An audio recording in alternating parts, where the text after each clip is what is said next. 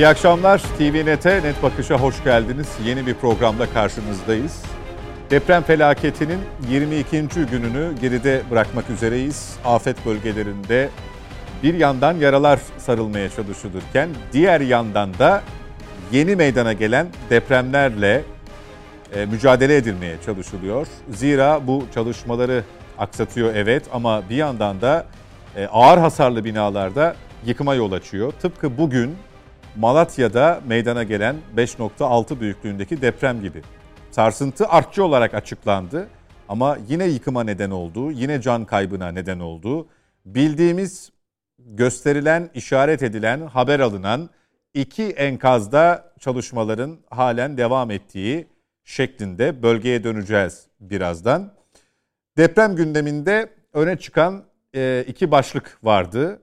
E, hafta sonundan aslında bugüne yansıyan. Biri Kızılay'ın ahbaba sattığı çadırlar. Diğeri de hafta sonunda oynanan Süper Lig maçlarında tribünlerde yapılan tezahüratlar. Bütün bunları konuşacağız. E, ama önce e, sıcak bölgeye gidelim, deprem bölgesine gidelim. Bir başka sıcak bölgede Hatay, yine deprem bölgesi. Depremin en çok etkilediği illerimizden biri. Orada akşam saatlerinde bir yangın çıktı bir plastik fabrikasında. Halen daha devam ettiğini biliyoruz. Önce e, Malatya'ya gideceğiz. TVNet ekibinden Bekir Mert, o az önce sözünü ettiğim artçı sarsıntının etkilerinin yaşandığı bölgede. E, Bekir iki enkazda e, yoğunlaşma söz konusu e, verilen bilgiler doğrultusunda demiştim. Daha fazla detay sende.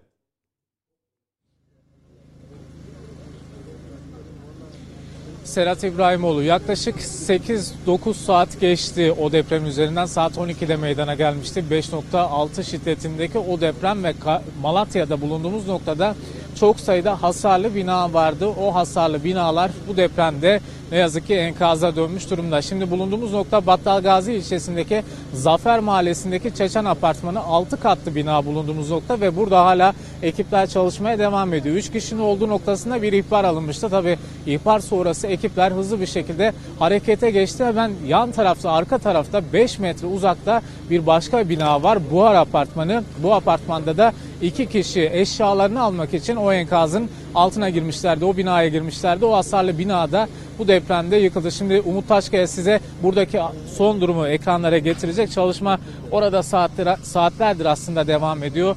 Zafer Mahallesi bulunduğumuz nokta Çeçen Apartmanı 6 katlı bu binada 3 kişinin olduğu noktasına bir ihbar aldı ekipler. Tabi teyide muhtaç bir bilgi. E, bu noktada ekipler her ihtimali göz önünde bulundurarak çalışmaya devam ediyor. Geride bıraktığımız saatlerde burada e, ısı kontrolü de yapılmıştı. E, bu noktada termal cihazlarla, termal kameralarla aslında jandarma komando ekipleri burada e, çalışmaya devam ediyor. Şu anda da o e, noktada hassas bir çalışma yapıldığını söyleyelim ki geride bıraktığımız saat diliminde burada kovalarla oradaki molozlar dışarı taşınmaya başlandı ve e, bir yandan da şunu hatırlatalım jandarma arama kurtarma köpekleri de içeri girdiler. Onlar da aslında koku almaya çalışıyorlar. Üç kişi olduğu bilgisi paylaşılıyor. Tabii o bilginin doğrultusunda ekipler e, orada zamanla yarışıyorlar ve o olası 3 kişiye ulaşmaya çalışıyorlar. E, tüm ihtimaller göz önünde bulunduruluyor bulunduğumuz noktada. Hemen arka tarafta şimdi Umut size arka taraftaki Buhara apartmanını gösterecek. Yaklaşık bir 5 metrelik mesafesi var hemen arka sokakta. O binada bir özel vakıf yurduydu. Orada da 5 katlı binada iki kişi e, binaya girdiler. Eşyalarını almak için girdiler ama tam da eşyalarını almak için girdikleri sırada o deprem meydana geldi ve bina çöktü. Şu an Bekir, belki e, bulunduğun bölgede e, toplam kaç kişiden söz ediyoruz? Geride bıraktığımız dakikalar. E, arama çalışmasının e, sürdürüldüğü bölgede toplam kaç kişinin enkaz altında olduğu düşünülüyor? Selat İbrahimoğlu gördüğümüz buhar apartmanından bir kişi yaralı olarak kurtarılmıştı. Bir kişi daha kaldı. O kişiye ulaşmaya çalışıyorlar.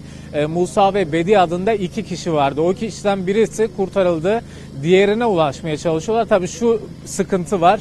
Bina e, yıkılmak üzere ve yıkılmak üzere olan binayı şu anda e, belki molozlardan gösteremiyoruz. Orada iş makinesi kepçeler yardımıyla o binayı ayakta tutmaya çalışıyorlar ki aşağıdaki kişiye zarar gelmesin diye ki merdiven boşluğunda olduğu tespit edilmişti. Bu noktada ekipler o noktada şu anda yeniden çalışma başladı. E, o çalışma devam ediyor. Yan tarafta Çeçen Apartmanı'nda da 3 kişiden bahsediliyor. 3 kişinin olduğu nokta Umut Taşkaya şimdi Çeçen Apartmanı'nı gösterecek hemen yanındaki bina ve bu binada da 3 kişinin olduğu bilgisi paylaşılıyor. Bu noktada da ekipler hala şurada zamanla yarış e, devam ediyor. Ekipleri görüyorsunuz. Jandarma komando ekipleri, e, JAK timleri de orada. Arama kurtarma ekipleri e, şu anda o molozları boşalttıkları noktada, e, dışarı çıkardıkları noktada içeri doğru girmeye çalışıyorlar. Hassas bir çalışma olduğunu söyleyelim. Zaman zaman burada dinlemeler de yapılıyor. E, umut hala yüksek, umut hala var. Zira bugün aslında bir baba ile kızının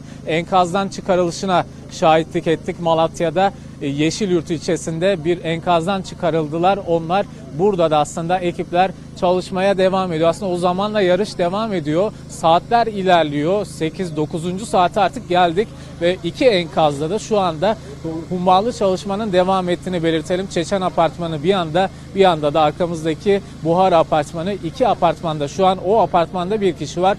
Bulunduğumuz noktada da 3 kişi olduğu bilgisi paylaşılmıştı. O 3 kişiye şimdi ekipler ulaşmaya çalışıyor. Peki Bekir Mert e, bu zorlu mücadeleyi aslında yaşam izini bir başka deyişle yakından takip ediyor. Kameraman arkadaşımızla birlikte kendisine kolaylıklar diliyoruz. İsmail Umut Arabacı ve Harun Çiçek ise Hatay'da e, o az önce sözünü ettiğimiz e, yangının çıktığı bölgede kontrol altına alındığına ilişkin biz yayına hazırlanırken bilgiler vardı. Bunu teyit edebiliyor musun İsmail?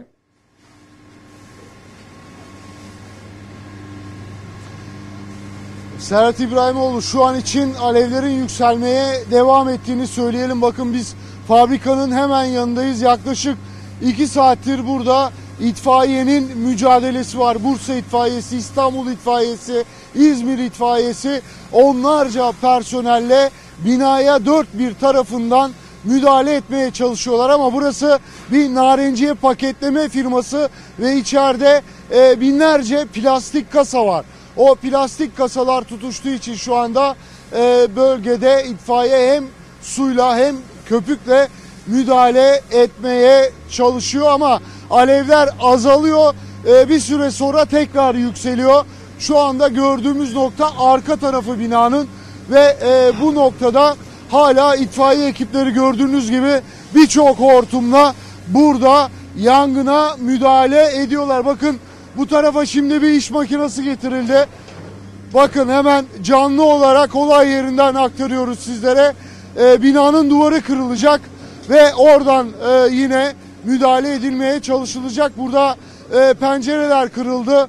E, oradan müdahale ediliyordu ama yeterli olmadı. Çünkü yangın dediğimiz gibi e, bir söndürülüyor. Kısa süre sonra tekrar alevleniyor. Alevler tekrar yükselmeye başlıyor ve şu anda da e, gördüğünüz gibi canlı yayında aktarıyoruz. İtfaiye ekipleri buraya bir e, ekskavatör getirdiler ve duvar kırılıyor ve e, duvar kırıldıktan sonra geniş bir alandan müdahale başlıyor. Bakın şu an e, birçok farklı hortumla burada müdahale etmeye başladı itfaiye ekipleri. Tabi dediğimiz gibi burası bir narenciye paketleme firması ve bu noktada da içeride binlerce plastik kasa var. Ve e, bu plastik kasalarında tutuşmasıyla birlikte, alev almasıyla birlikte şu anda e, yangın e, hala devam ediyor. Alevler yükseliyor. Müdahaleyi e, çapını genişletmek için itfaiye ekipleri şu anda gördüğünüz gibi fabrikanın e, duvarını ekskavatörle e, kırdılar ve bu noktada da hemen karşıda şu anda itfaiyerleri içeri daha geniş bir alandan e, su püskürtmeye başladılar ki şöyle sola doğru dönersek bakın az önce alevler e, hani çok fazla değildi şu an gitgide artıyor. E, itfaiye ekipleri müdahale ediyor. Tekrar alevler artıyor ve bu noktada da e, plastik malzemenin çokluğu nedeniyle bu noktada müdahale devam ediyor. Şu an eskavatörle bu noktada Harun biz de biraz geri kaçalım. biz de biraz geri kaçalım. Duvarlar da dökülmeye başladı bu noktada. Ve e, ekipler e, duvarları açarak daha geniş bir alandan yangına müdahale etmeye çalışıyorlar. Zaten dört bir tarafından su sıkılıyor binaya ama yeterli değil. Şu an e, fabrikanın yan duvarı tamamen e, yıkıldı. Bakın eskavatör şu an yıkıyor. Ama alevler de bir yandan içeride büyümeye devam ediyor. İşte oraya geldi şimdi alevlerin o biraz daha geri gelelim. Bakın kepçe alevlerin olduğu yeri de şu anda yıkmaya başladı. Tabi binlerce plastik kasa var içeride.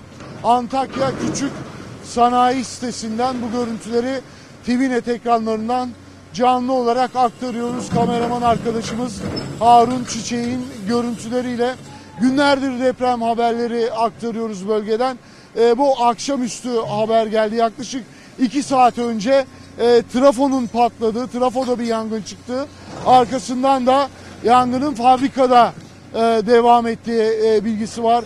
Görgü tanıklarından burada yaşayan vatandaşlardan ve e, yangın gitgide büyüdü ve e, plastik malzeme dediğimiz gibi e, binlerce plastik kasa var. Burası narenciye e, paketleme fabrikası portakal mandalina e, burada bir tarım firmasının e, paketleme firması buradan yüklenip e, paketlere konulup e, Türkiye'nin birçok farklı noktasına gönderiliyordu. Deprem nedeniyle tabi çalışmıyorlar şu anda ama bugün dediğimiz gibi Trafo ile akşamüstü Trafo'da çıkan e, patlama arkasından e, yangın çıkması ve e, jeneratörün de burada bulunan jeneratörün de mazot deposunun patladığı bilgisi var ve e, alevleri görüyorsunuz şu anda.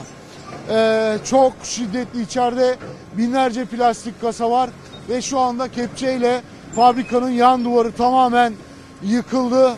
O noktada alevlerin e, büyüklüğünü e, bu noktada sizlere aktarmaya çalışıyoruz ama ciddi anlamda büyük bir alan ki yaklaşık bir e, 80 metre e, uzunluğunda e, fabrikanın boyutu ve şu an her noktasından müdahale ediliyor. Dediğimiz gibi bir narenciye paketleme fir- firması Antakya küçük sanayi sitesinde bulunuyor ve e, içeride de narenciyelerin yanı sıra onları e, paketlemek için kullanılan plastik kasalar var. Binlerce plastik kasa var.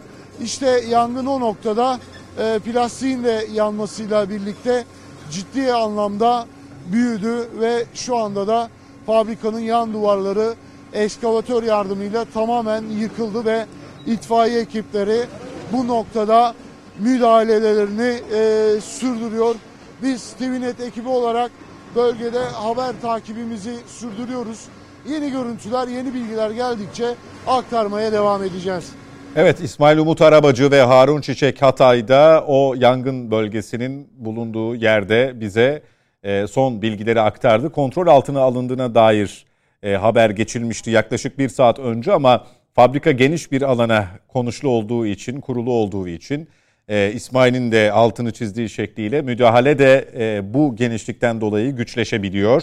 E, canlı yayın sırasında da iş makineleriyle e, söndürülmesi adına, yangının tamamen kontrol altına alınması adına yapılan müdahaleyi gördük, getirdik ekranlarınıza ve programa başlıyoruz bu iki canlı yayın bağlantımızın ardından. İstanbul Stüdyo'da Mete Erer ve Nedim Şener bizimle birlikte. Hoş geldiniz. Merhaba Mete Erer. Merhaba. Nedim Şener. Ankara Stüdyo'da ise doçent doktor Hulki Cevizoğlu bizi bekliyor. Hocam hoş geldiniz. Merhaba İstanbul'dan. İyi akşamlar, iyi yayınlar. Teşekkürler. Sizinle başlayayım. Ee, deprem gündeminde öne çıkan iki başlık diye duyurmuştum açılışta. Biri Kızılay'ın Ahbaba sattığı çadırlar ki her iki tarafta konuya ilişkin açıklama yaptı. Fakat kamuoyunda çok tatmin edici bulunmadı gibi bir hava var. Sizin görüşünüz aynı şekilde mi? Diğeri de e, hafta sonunda oynanan Süper Lig maçlarında yapılan tezahüratlar ama bunu ikinci kısma bırakalım. Kızılay'la bir başlayalım. Siz ne düşünüyorsunuz son iki günde yaşanan tartışmayla ilgili? Şimdi tabii e, depremin acıları henüz dinmeden ki yıllarca bu acılar e, yok olmaz. Ateş düştüğü yeri yakar sözü de burada geçerli. e, deprem şehitlerine Allah rahmet eylesin bir kez daha bu vesileyle. Yakınlarına da sabır ama bu sabır hakikaten uzun yıllar sürecek kadar e, bir sabır dönemi olacak.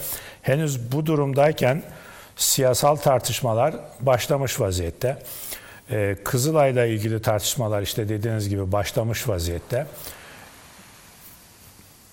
Ahbap denen e, kuruluşla, yardım kuruluşu, gönüllü kuruluşla e, hukuksal, hukuki yapısını tam olarak bilmiyorum ben. Bir dernek midir, platform mudur, para toplama, yardım toplama yetkisi var mıdır bilmiyorum. Şimdi bu kuruluşla siz de yardımcı olursanız e, temel veriler üzerine konuşma imkanına kavuşmuş oluruz. E, bu kuruluşla Kızılay'ın tartışması, kavgası çıktı. Birkaç yani çok boyutu var bunun. Bu ilişki çok boyutlu. Bütün boyutlarına de- e, zaman imkan verdiği ölçüde değinmek isterim. Ama şu sorunun cevabını alsam, bu ahbap denen yapı resmi değil, özel. Dernek midir, platform Dernek. mudur? Yasal Dernek. statüsü nedir bunun? Dernekler masasına kayıtlı dernek mi? bir dernek. E, o şeyi soruyorsunuz siz. Kamu yararına e, yetkisi- bağış toplayabilir mi hadisesini soruyorsunuz. Evet. O zannediyorum vakıflarda oluyor. Evet. Ama bazı ayrıcalıklı dernek Maaş toplama yetkisini 4 ay önce bakanlık vermiş zaten. Ondan önce yardım alıyor. İşte diyor ki mesela bir hangi aynı bakanlık veriyor onu? İşleri Bakanlığı Ha, derneklerden. anladım. Tamam. Yani İBAN yayınlıyor ya hani o çünkü her derneğe verilebilen bir şey değil. değil. Onun Kamu yararı zaten ayrı bir şeyde Evet. e, kararnameyle Cumhurbaşkanlığı kararnamesi kararnameyle gerekiyor. ama onlar bundan yararlanmak istemiyorlar. Çünkü biz vergisini verelim her yaptığımız harcamanın diyorlar. Çünkü e, kamu yararına dernek olduğunuz zaman vergiden muaf oluyorsunuz. Evet biraz sorgusu sualsiz oluyor o iş. Devam edebilirsiniz bu bilgiler ışığında Ulki Bey. Yani şimdi bu bilgiler ışığında para toplaması, yardım toplaması e, Bakanlar Kurulu'nun verdiği izne tabi olarak mı sürmüş oluyor Nedim? Hayır. Yoksa aldığı aldığı her Bak- yardımın nasıl oluyor? aldığı her yardıma karşılık makbuz kestiği e, ve e, vergisini ödediği Tamam. müddetçe sorun yok. Tamam. Yani dernekler Yani- masasına da tabi öyle mi? Evet, aynen öyle. Yani mesela Aynen. İçişleri Bakanlığı denetliyor 2 yılda bir, e, pardon 3 yılda bir. E, ka- kamu yararına e, olan dernekleri 3 yılda bir zannederim. E, kamu yararına olmayan yani o, o niteliği almamış yılda olanlar 2 yılda bir denetleniyor. Ama bunlar Ahbap aylık der- da bu arada defter tutuyorlar yani. Onu zaten Muhtat, tutuyorlar. Tabii. E, Ahbap da en son Ağustos 2022 Ağustos'unda denetlenmiş İçişleri Bakanlığı müfettişleri tarafından Kasım'da da raporu çıkmış.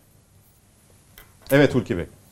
Şimdi bu yapıyla evet. Şimdi peki madem böyle İçişleri Bakanlığı denetliyor, dernekler masasına tabi, Bakanlar Kurulu'ndan yardım toplama yetkisi almış. O zaman daha geçenlerde bu ahbap ile Kızılay arasındaki bu çadır kavgası son nokta oraya geleceğim ama ondan önceki kavga niye çıktı? Mesela medyada efendim bunun başkanına, sanatçı e, başkanına 1 milyar lira teslim edilemez tartışmaları çıktı. Bunlar kimdir tartışmaları çıktı. Depremde Kızılay ve devlet varken, AFAD varken bunlara ne gerek var tartışması çıktı. E niye çıktı o zaman bu tartışma? Yani madem yasal, üstelik de bu hükümet izin vermiş. Şimdi bu bir taraf. O kadar çok dedim ya çok boyutu var. Şimdi iki tarafın taraftarları birbirine girmiş vaziyetteydi Türkiye'de. Hükümet taraftarları muhalefet. Muhalefet ahbap üzerinden deprem bölgesinden yardım yapmayı tercih ediyordu. Genellikle Kızılay'a yapanlar da vardır ama şimdi böyle bir dönemde toplumsal boyutuna bakıyorum ben. Siyasal e, ve hukuksal bölümünü söylediniz zaten. E, Böyle bir tartışma varken el altından Kızılay'ın ahbaba yani Kızılay taraftarlarının da eleştirdiği ahbaba çadır satması ve bunu bizim sonradan öğrenmemiz enteresan bir durum. Ama Kızılay Başkanı'nı dinledim. Kızılay Başkanı diyor ki ya biz vermiyoruz. Bize bağlı bir e, şirket var. O veriyor. O herkese satabiliyor. Şimdi bu Kızılay'ın yapısı her dönemde, her siyasi parti döneminde Kızılay Genel Başkanlarının seçimi, yapısı, yönetimi hep tartışma konusu olmuştur. Ee, önemli bir yer. Yani devlet kadar büyük bir yer burası. Çünkü ne kadar yarı resmi de olsa devlet kuruluşu bu. Yani kendi başına bir iş yapacak yer değil. 99 depreminin Şimdi ardından da çok burada da tartışılan tartışılan- kurumlardan biriydi. Tabii. Tabii. Şimdi bu, bu e, Kızılay Derneği, o da dernek. Kızılay Derneği ama kamu yararına bir dernek. E, satabilir mi? Yasası, yasamızda var diyor genel başkan. Satarız, yasaldır, etiktir, normaldir, mantıklıdır, akılcıdır diye açıklamalar yaptı. Tamam. Ama kamuoyu neyi tartışıyor? Ya Kızılay parasız e, muhtaç olanlara ve şu anda da deprem zedelere çadır yardım yiyecek götürecekken parayla iş mi yapıyor? Tartışma bu noktada. Evet. Şimdi ahbap tarafına da değineceğim. Ne tarafından baksam sıkıntı var. Bir kere Kızılay'ın ve devletin kendisini kamuoyuna anlatamadığı ortada. Anlatamadığı ortada. Yani sadece bir yardım yapmak değil. Yaptığınız yardımı düzgün bir şekilde toplumsal algıya uygun şekilde sunacaksınız. E, sunmamışsınız. Yani ne kadar haklı olursanız olun bu tartışmanın çıkmış olması bunu gösteriyor. Ahbap tarafından bakarsak yani kusura bakmasın oradaki insanlar, oraya destek verenler de. Ya siz Kızılay'a tuzak kurmak için mi çıktınız ortaya diyesi geliyor insanın. Niye? Ya sen madem bu ahbap denen kuruluşu kurmuşsun. Kızılay'da ahbabına, dostuna satış yapabiliyormuş yan kuruluşuyla, yan şirketiyle o yasal olarak tamam. Ama etik olarak ve toplumsal algı açısından doğru mu? Her şeyin yasal olması yetmiyor Türkiye'de. Maalesef toplumsal algıyı da idare etmeniz gerekiyor. Olumlu bir şekilde ikna etmeniz Zaten gerekiyor eleştiri topluma. tam da söylediğiniz noktada Şimdi- başlıyor. Şöyle ki e, Evet. depremden önce depreme hazırlık adı altında bu alışveriş gerçekleşse bu kadar tepki olmayacak. İki, depremin Tabii. ilk iki gününde bu alışverişin olduğu açıklansa yine aynı şekilde olmayacak. E, şu bir kere diri kalacak. Yani böyle bir afetin ortasında e, çadır parayla mı satılır? Ya da çadır mı satar Kızılay? Bu hiç değişmeyecek. Ama az önce Evet. söylediğim Şimdi- iki madde Oraya tekrar dö- bunu daha da güçlendiriyor aslında bu tepkiyi. Evet. Oraya tekrar döneceğim Kızılay boyutuna ama ahbap boyutuna girdik. Ona devam edeyim isterseniz. Şimdi kardeşim paramı verdim çadır aldım diyorsun. E niye bunu açıklıyorsun? Yani siyasal nedenle mi açıklıyorsun? Sen bir yardım kuruluşu olarak e, oradan ya da buradan paralı ya da parasız yardım topluyorsun.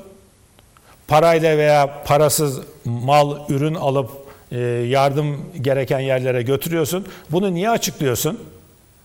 Yani bunu Kızılay'dan Kızılay bizden para aldı demeniz ne demek? Bu aslında iki tarafı da tehlikeli bir durum. Bir paradoks var ortada. O da şu. Şimdi Kızılay'ın kuruluşundan e, 45 milyon liralık mı ne çadır almışlar. Bizden İştirakinden, para aldılar demeye getiriyor. Ve toplumda efendim iştirakinden Kızılay'ın lojistik firması. Çadır. İştirakine işte evet. Ve ka- kamuoyunda da demin söylediğimiz yanlış bir düşünce oluşuyor. Bunu açıklamanız kamuoyunda böyle bir yanlış düşünce oluşmasına yönelik miydi? Onun için mi açıkladınız bunu? Ayrıca siz bu derneği kurdunuz.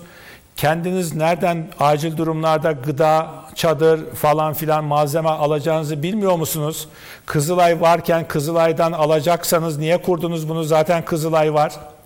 Şimdi Kızılay bunu bizden para aldı diye ortalık karıştı. Kendileri karıştırdılar. Tersini düşünelim. Bakın iki tarafı da tehlikeli dedim ya. Tersini düşünelim. İstediler çadırı. Kızılay ve İştiraki de dedi ki ya veremeyiz biz götürüyoruz. Onlar ısrar etti diyelim. Ya kardeşim bize birisi bağışta bulundu. Biz alacağız parasıyla verin. Hayır vermeyiz dese bu sefer de kamuoyuna ya bakın kendi adamlarına yardım ediyorlar. Bize çadır vermediler. Parasıyla alalım dedik. Parasıyla bile vermediler diyeceklerdi. Şimdi bu kampanya verseniz bir dert, vermeseniz parasıyla bile bizi dışladılar, vermediler olacaktı. E o zaman işte demin dediğim cümleye geliyor. Ya siz Kızılay'a ve hükümete tuzak kurmak için mi çıktınız ortaya? Şimdi öyle verseniz işte dert oldu. E vermeseniz bizi bizi görmediler. Kardeşim dışarıdan alsanıza. Bir de başka bir boyut var. O da şu. Ee, yanlış e, e, okumadıysam bir hayırsever bu ahbaba çadır karşılığı yardım etmek istemiş. Yani para vermiyor. Parayı vereceğim ama diyor. işte şunu şunu alma. IMF gibi yani Ve- vereceğim para ama takip ediyorum diyor. Ben çadır göndermek istiyorum diyor. Yardım yapacak. Adamcağız kimse haklı. Bana çadır alın diyor. Onlar da acilen işte Kızılay'ın iştiraki olan şirketten öğren öğrendik diyor. Çadır satıyormuş. Yani demek ki çadır satıyormuş öğrendiysen sadece sana yapmamış kardeşim. Bunun kuralında, kanun şeyinde, yönetmeliğinde var demek ki. Görev tanımında var. Peki bunu sen şimdi bu hale getirdiğin zaman o zaman hakikaten bir tuzak mı peşindeydin? E bugün mü dün mü ne yaptı bir açıklama daha. Kuru fasulye de aldık. Ona da Gıda para da harcadık evet. diyor. Ona da para verdik Kızılay'a diyor. E Kızılay Başkanı biz öyle şeyler satmıyoruz dedi. Şimdi o zaman bugün başka bir tartışma daha var. Efendim kan ürünleri parayla mı diye az önce okudum. Kızılay kan ürünlerini SGK'ya parayla mı veriyor diye o tartışmaları da başlatmışlar. Yani bir şeyin fitili ateşlenmiş. Bunu boyutlandıracaklar, çeşitlendirecekler. Şimdi ya bu ülkede her söylediğiniz yanlış anlaşıldığı için e, semantiz diye bir şey yok. Semantik demek anlam bilim demek. Söylediğiniz şeyin anlamı bellidir. Bu anlamı verebilmek için değişik biçimde insanlar ifade eder. Edebiyatçılar da, şairler de değil mi? E, tersinden ifade eder, düzünden ifade eder. Ama Türkiye'de e, anlam bilimden uzak bir kitleler var ve siyasal yapılar var. Bir şey dediğiniz zaman anlamı, özü nedir ona bakmıyor. Diyor ki bunu demek istedi. Yok onu demek istemedi. İşte benim de başıma gelen, arkadaşların da başına gelen bir- birçok olayda da görülüyor bu. Şimdi e, ahbabın, ahbap onu niye anlattım? Ahbapla ilgili bazı şeyler söyleyeceğim ama bu da düz mantıkla, düz anlamla anlaşılacağı için ya söylesem mi söylemesem mi diye tutuyorum kendime.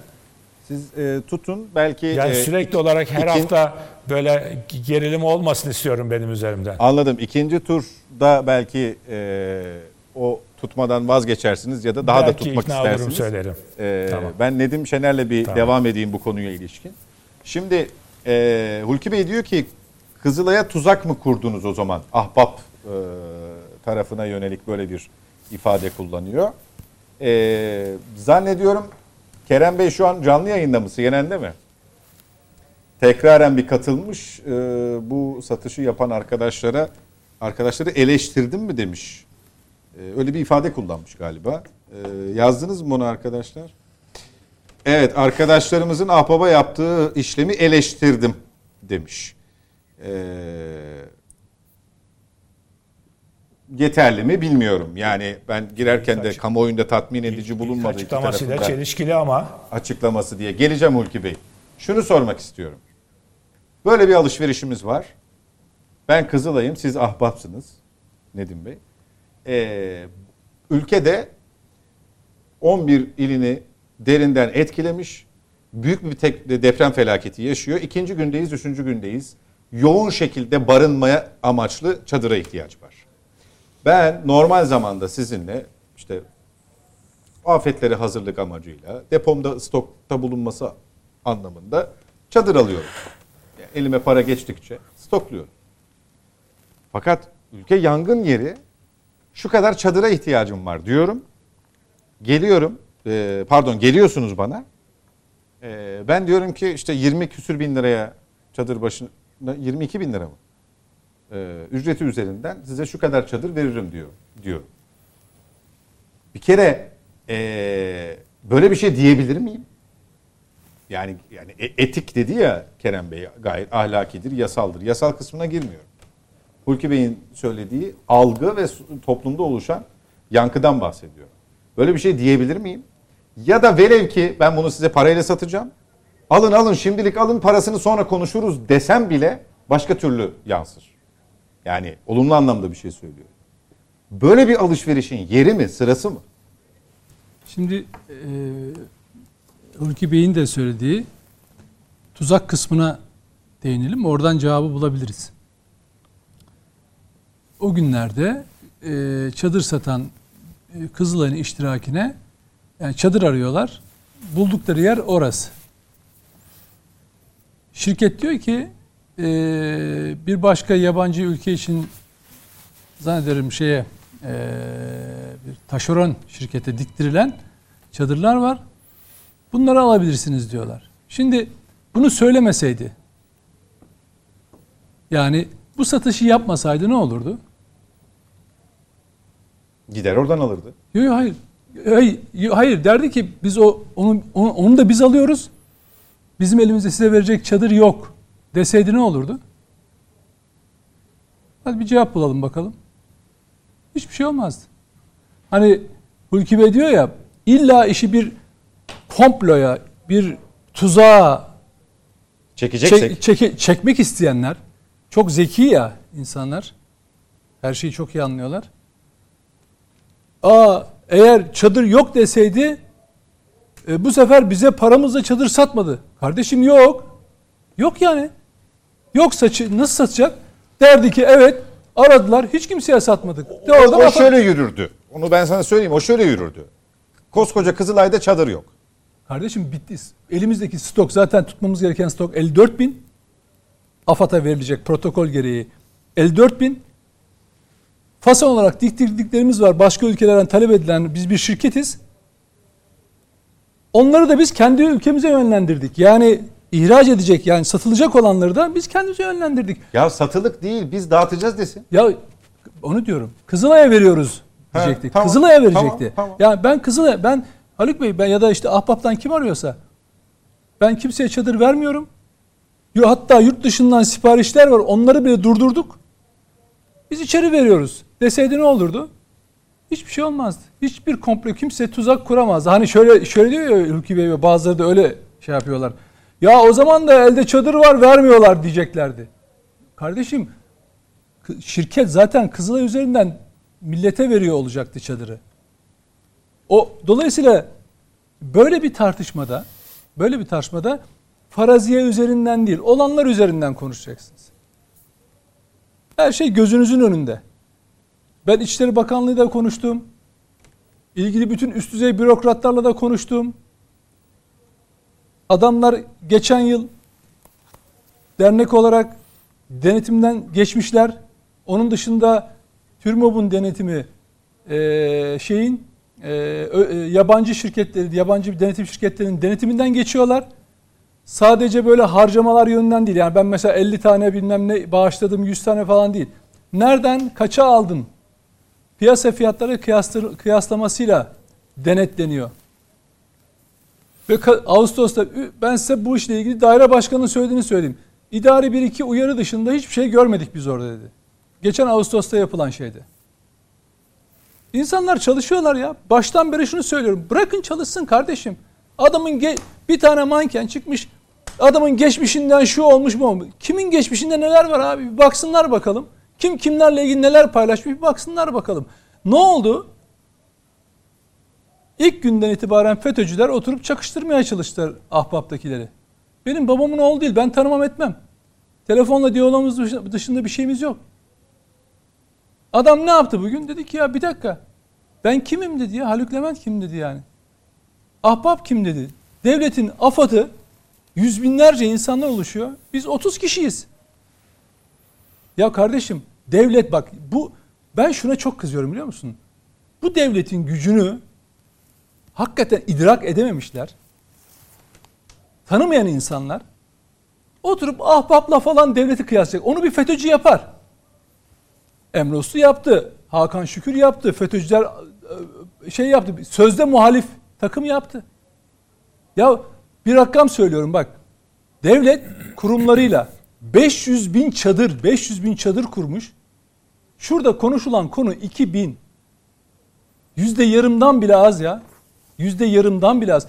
Türkiye Cumhuriyeti'nde yaşayanlar, Türkiye Cumhuriyeti'ne az, devletin az yok. Bu kadar mı özgüvensiz ya? Ahbap kim kardeşim? Bak adam kendi söylüyor. Ahbap kim ya diyor devletin yanında. Bizim arama kurtarma ekibimiz de yok diyor.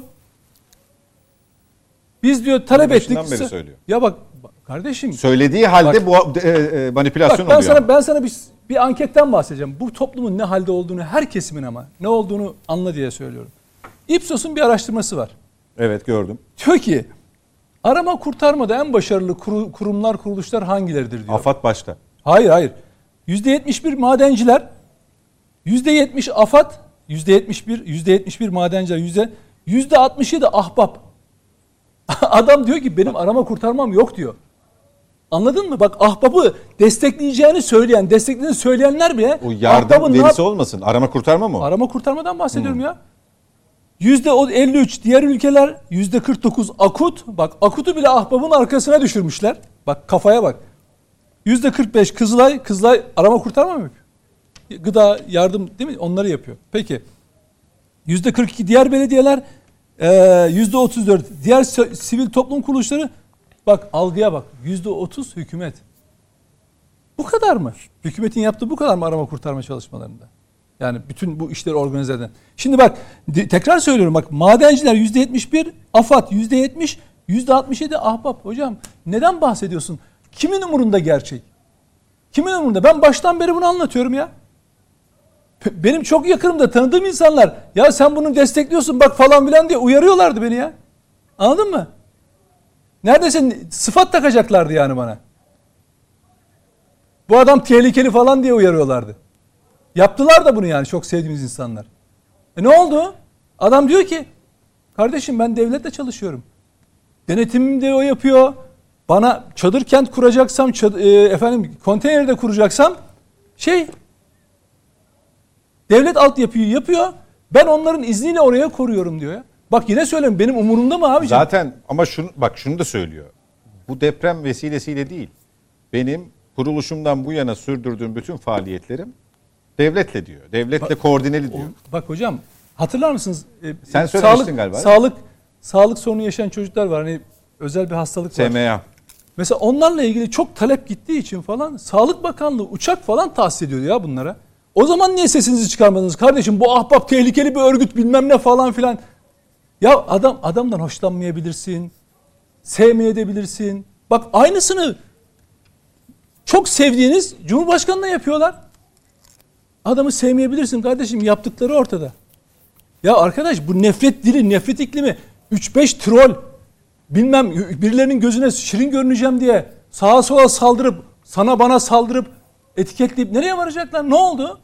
Adam dedi ki kardeşim benim devletten başka bir şeyle çalışmıyorum. Fox TV bir kanalda çıkmış. Bütün muhaliflerin izlediği bir kanalda herkes Türkiye onu izliyor. Adam devleti yüceltiyor. Baştan beri bunu söylemiyor muyum ben? Geçen hafta da bunu söyledim.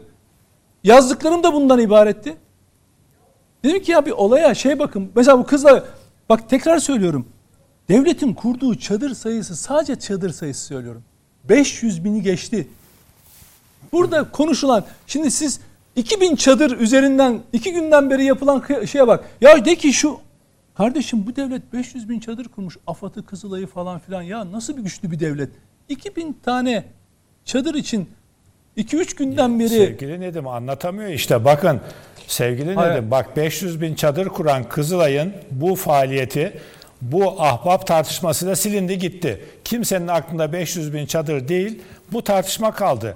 İnsanların belleklerinde kötü şeyler iyi şeylerden daha fazla kalır. Yani bir O- tartışmaya kurban mı edilmeli bu 500 bin çadır kurma Onu başarısı? söylüyorum. Bak peki şu kıyaslamayı yapan bir kişi çıktı mı? Ben yazdım bugün Twitter'da oturdum rakamları topladım alt alta. Biraz vakit ayırdım. Kim nereye çadır kurmuş AFAD Kızılay. 500 bine yakın ra- rakam çıkıyor kardeşim. Hala da şu dakikada da kuruyorlar. Ya bir kardeşim şeyi Haluk Levent'i ve o grubu linç edeceksen et. istersen ayağından as. Umurumda değil. Ama bunu söylerken biraz kendine özgüvenin olsun ya. Karşında Türkiye Cumhuriyeti Devleti var. Peki ya Haluk Levent'in alacağı 2000 çadırın, 3000 çadırın, 10.000 çadırın onun için bir şey ola- olabilir. Ama benim devletim rakamı 1 milyona dayamadan durmaz bir kere dedi. Sen biraz kendine özgüvenin olsun. Bu şuna bekle bak. Bu şuna Hayır, benziyor. 2000 değil bir tane bile olsa. Hocam bir şey söylüyorum. Ben başka bir şeyden bahsediyorum. Şimdi sen olayı başka yere taşıyacaksın.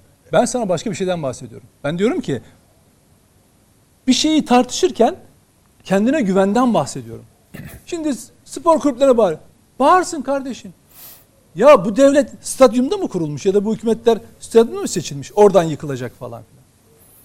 Biraz kendine güven olsun ya şu devleti biraz biraz tanıyın arkadaş ya. Biraz tanıyın Allah aşkına. Öyle şey kolpa yaparak değil ha. Kolpa yaparak değil. İlk andan itibaren yaptıklarıyla tanıyın. Oturup 3-5 tane Twitter trolü kendini ispatlayacağım diye girdi girdi girdi girdi abi. Şey de konsolide bak iki türlü konsolidasyon yapıldı. Bir Haluk Levent'ten nefret edenler bir de kollayanlar. Acayip bir gerilim oldu. Sonunda bu günün sonunda bugün ne oldu? Ya bu Haluk Levent de pek umduğumuz gibi değil çıkmadı. Aa, Şahan Gök'e bakar ne yaptı? Linç etmeye kalktı değil mi? Şimdi bak trend topik. Ben O- gittiğimde devlet oradaydı dediği Ha, için. dediği için bak bunu dediği için. Doğrusu oydu. Ve bunu ilk günden beri söylüyor herif. Şimdi Şahan şimdi Şahan şey Gök, Gökbakar muhaliflerin şey gözdesi böyle Haluk Levent'e çaktığı için. E bunu bak öbür tarafta da yaptılar. Ne oldu haftalardan beri yok yok bu hükümete karşı komplo kuruyor bu böyle sağlam adam değil pabuç diyenler dillerini yuttular. Devleti övünce devlet oradaydı dediği için hadi aynı şey bak ben şunu söylüyorum. Ben gazeteci olarak Nedim Şener olarak 30 yıl önce bu mesleğe başlarken söylediğim bu sözü bugün de tekrar ederim. Ettim ediyorum. Neyi, neyi söylediysem onu savundum hayatım boyunca. Çünkü hiçbir şeyi anlamsız yere savunmadım tamam mı? Anlamsız ben işi bilmeden hiçbir şeyi savunmadım. Daha iki hafta önce ya da bir hafta önce yazdığını bugün yazabilecek var mı onların arasında?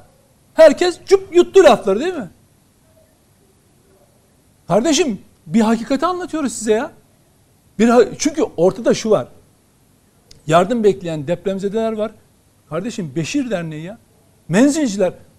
Lan menzilcilerin yanından hani geçmez bir de devletin içinde falan diye. Ya adamları takibe aldım ya. Adamlar orada kalp krizinden bir yetkilisi vefat etti. Başsağlığı diledim ya. Tanımadığım insanlar ama helal olsun dedim. Me- Şey dergahı açmışlar şeye. E nedir onun adı? Depremzedelere çorba pişiriyorlar. Ya bu adamlar baş üstüne taşınır kardeşim. Oradaki bir insanın acısına dokunan baş üstüne taşınır. Birileri birilerine güvenmiş. Olsun o ona yapsın, sen ona yap, ben ona yapayım. Önemli olan ne? Acıyı paylaşmak. Sen orada insanlar acı çekecekler. Hala enkazın altında yavrusunu arayanlar var. Sen burada oturmuşsun iktidar kavgası yapacaksın. Yani güç kavgası yapacaksın. O öyle mi böyle mi? Tekrar söylüyorum. Bu e, e, çadır e, alımını Kızılay'ın yaptığı hata şu. Oradaki kişi eleştirdi dedi, eleştirdim dediği kişi şunu yapacaktı.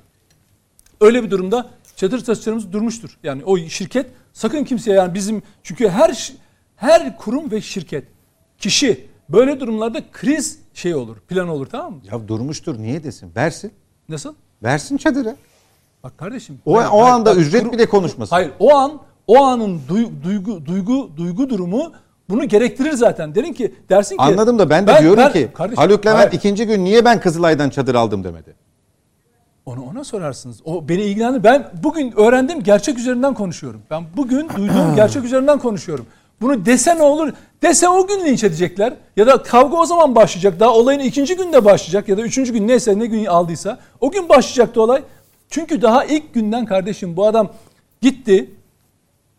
O Babala e, ekibiyle orada e, bir şey oldu. E, ne derler onu? Bir algı oluştu. Tamam mı? Oraya bir takım tipler geldi. O zaten sönümlendi. O Babala'nın ekibi tamamen tasfiye etti kendi kendini. Tamam bombaladı kendini. Oraya getirdiği bir takım tipler saçma sapan konuştular.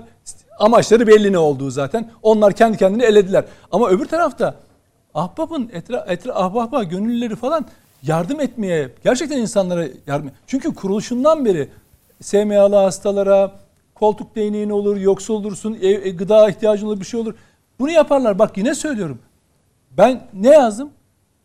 Haluk Levent'e düşen görev diye her kuruşun hesabını ki o zaman 2,5 milyar TL'ydi geçen haftaki yazdığım yazıda. Her kuruşun bedel şeyini hesabını vermektir. Bir kuruş Mükellefsin. kaçık bir kuruş kaçık olmadan ka- kaçak olmadan ve dedim ki bak hiç kimse devletten daha güçlü değildir Türkiye. Türk milletinin iradesini ve Türkiye devletinin gücünü e, e, gücüyle yarışan kaybeder. İşte sana FETÖ'cüler devletin yarısını ele geçirmişlerdi. Hani olmak mı istiyorsun? Madem devlete rakip mi olmak istiyorsun? Devleti yıpratmak mı istiyorsun? En fazla yapabileceğin şey FETÖ'cüler kadar devlete sızmak ve ihanet etmektir. Bedeli belli. Devleti acize uğratırsın, milletin duvarına çarparsın kardeşim. Ya insan biraz kendine güveni olur ya. Dersin ki ben varım ben. Her kimse olmasa ben varım. Eğer Haluk Levent'in bir yanlışını göreyim, ben Nedim Şener olarak, bak kim karşısına dikiliyor göreceksin. Ama şu anda eğer insanlara yardım ediyor, yardım ediyorsa, ya kardeşim bırakın o da yapsın. Menzilciler de yapsın, İskenderpaşa cemaati de yapsın, Kızılay da yapsın, yabancı ülkeler de yapsın. Ya İsrailler gelmiş, yapsın kardeşim. Yunanistan'dan gelmiş, yapsın kardeşim ya.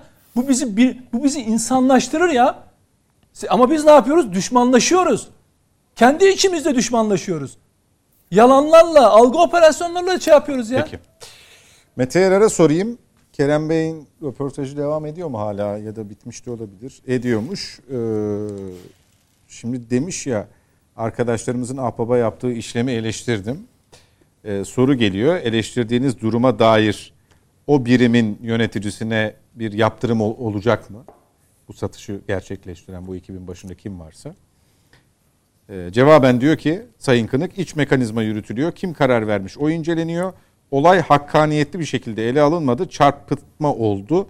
Tepkiyi abartılı görüyorum. Hakkaniyet. Abartı. Tartışmanın hakkaniyetli olmadığını düşünüyor. Yani bizim de tartıştığımız konunun hakkaniyetli bir şekilde Kızılay'ın bir yöneticisi böyle söylüyorsa ben ne anlarım? Kızılay'ın hakkı teslim edilmeden tartışılıyor. Peki o zaman şöyle söyleyelim. Bu satış ne zaman gerçekleşti? Tarih ne zaman? Depremin 7 Şubat, 8 Şubat galiba. Yani ikinci günü. Yani depremin fotoğrafı çıktığında. Kaç milyon insan etkilendi diye duyuru 13,5. yapıldı? 13,5 milyon insan etkilendi diye duyuru yapıldı değil mi? Yani sıcağı sıcağına deprem olduğunda 10 dakika 15 dakika sonra falan değil. 2 gün sonra. 13,5 milyon insan ve dünyaya dördüncü derecede yardım çağrısı sabahın köründe yapıldığı İlk bir dakikada yer. verildi. İlk dakikada verildiği bir yerden bahsediyoruz değil mi? Yani dünyaya diyorsunuz ki dünyada elinde ne varsa bana gönder diyorsun. Ama Kızılay'ın orada 2050 tane çadırı duruyor öyle mi? Satılmak üzere. Satılmak üzere, verilmek üzere, dağıtılmak üzere. Neyse kardeşim hiç önemli değil bak. Şeyden hiç önemli değil. Nereye giderse gitsin. Sen dünyaya çağrı yapıyorsun. Diyorsun ki AFAD olarak ya bize ne varsa gönderin. Çünkü o kadar büyük bir depremle e, karşı karşıyayız ki kurtarma ekiplerinizi ve yardımlarınızı gönderin diyoruz. Ve senin o sırada bununla görevlendirilmiş olan başka bir ekibin daha var. Daha önce yayınlanmış bir şey var, talimat var. AFAD'ın görevleri belirlenirken Kızılay'ın görevleri de belirlenmiş. Eskiden hatırlarsınız Kızılay gider ne yapardı? Çadır kurardı değil mi? Çadır kentler kurardı. Hatta Kızılay logolarıyla görürdük hatırlarsan. Şimdi niye Kızılay logosuyla görmüyorsun? Çünkü Kızılay çadır kurmuyor artık. Kim kuruyor? Hangi birim? AFAD. AFAD. AFAD çadırlarını görüyorsun. Şimdi Kızılay'ın görevine bunu depolamak anlattığım kadarıyla onların yazdıkları kadarıyla Dolaylı söylüyorum. olarak şey, iştiraki aracılığıyla üretmek. Üretmek, depolamak, gerekli olduğunda sevk etmek ve yaklaşık günde 1500'e yakın çadır üretmek. Büyük bir rakam, az, az bir rakam da değil. Yani bu deprem bu kadar büyük boyutta olmamış olsaydı 1500 çadır ciddi bir rakam. Yani günde 6000 kişinin kalabileceği çadır üretiyorsun. Az bir rakam değil. Tek başına üretiyorsun. Ya arkadaşlar yani üçü, üçüncü, ikinci Ki gün dünyada e, sayılı değil mi firmaların arasında bu anlamda e, çadır üretimi konusunda. Bakın ben yine aynı şeyi söyleyeceğim. Bir tane çadırın bile kıymete bildiği bir yerdesiniz. Yani Kerem Bey'in şu savunmasını anlamıyorum ben. AFA da sattı diye ben hiç kızmıyorum ki. Elindeki bu su Ahbaba. ahbaba sattı diye arkadaş bu kadar kritik bir malzemen varsa yani 10 tane değil, 30 tane değil, 20 tane değil, 2000 tane. Nasıl olur da bunu yetkililere sunmazsın? 4-5 tane köy demek bu o, o bölgede. Sana- hes- yani, Yani 500'den 200'er tanelik köyler desen, büyük köy desen tamam mı? 5 tane büyük köy demek, 6 tane büyük köy demek yani. Evet ben daha yeni geldim dağ köylerinden. Daha oraları gezerek daha yeni döndüm. İkinci turumu attım. Şimdi seninle beraber daha yine gideceğiz önümüzdeki günlerde.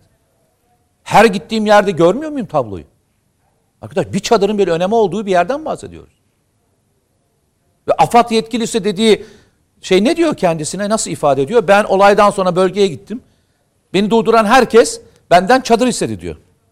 Ben de o zaman arkadaşlar dedim ki diyor. Öyle anlattı bugün. Ben öyle dinledim yani. Eğer başkası başka şey dinlediyse bilmiyorum yani. Ama ben böyle dinledim. Benden istediler diyor. Ve ben arkadaşlar talimat verdim diyor. Nerede bulursanız bulur dedim diyor. Ne yapmış o zaman? Arkadaşlar aramışlar. O sırada Kızılay'ın çadır sattığını öğrenmişler. Sonra aramışlar. Orada bulmuşlar.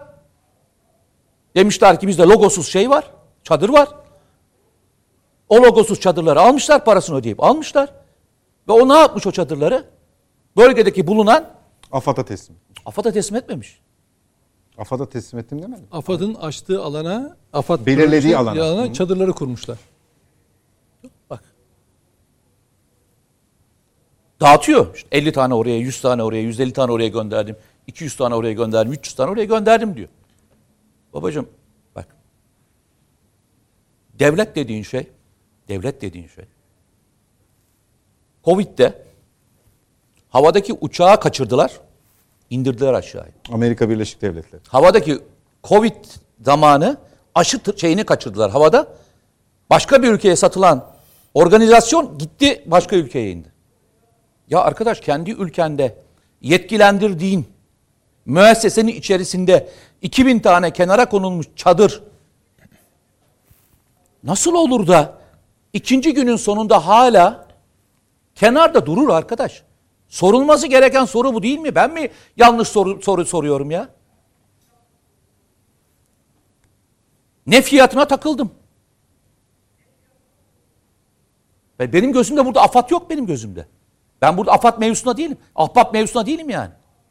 Arkadaş sen nasıl olur da bunu sevk etmezsin arkadaş? Veya niye yetkililere söylemezsin? Niye demezsin ki kardeşim bizim elimizde 2000 tane daha var. Çünkü ben biliyorum ikinci günün sonunda benim arkadaşlarım dahil olmak üzere bütün belediyeler bölgeye giderken yanlarını çadır göstermek, götürmek için çabaladılar. Bölgede bulunan belediye başkanları çadır üretim merkezlerini arayıp ben de 100 tane atayım da gideyim bir an önce çadır kurayım derdindeydi.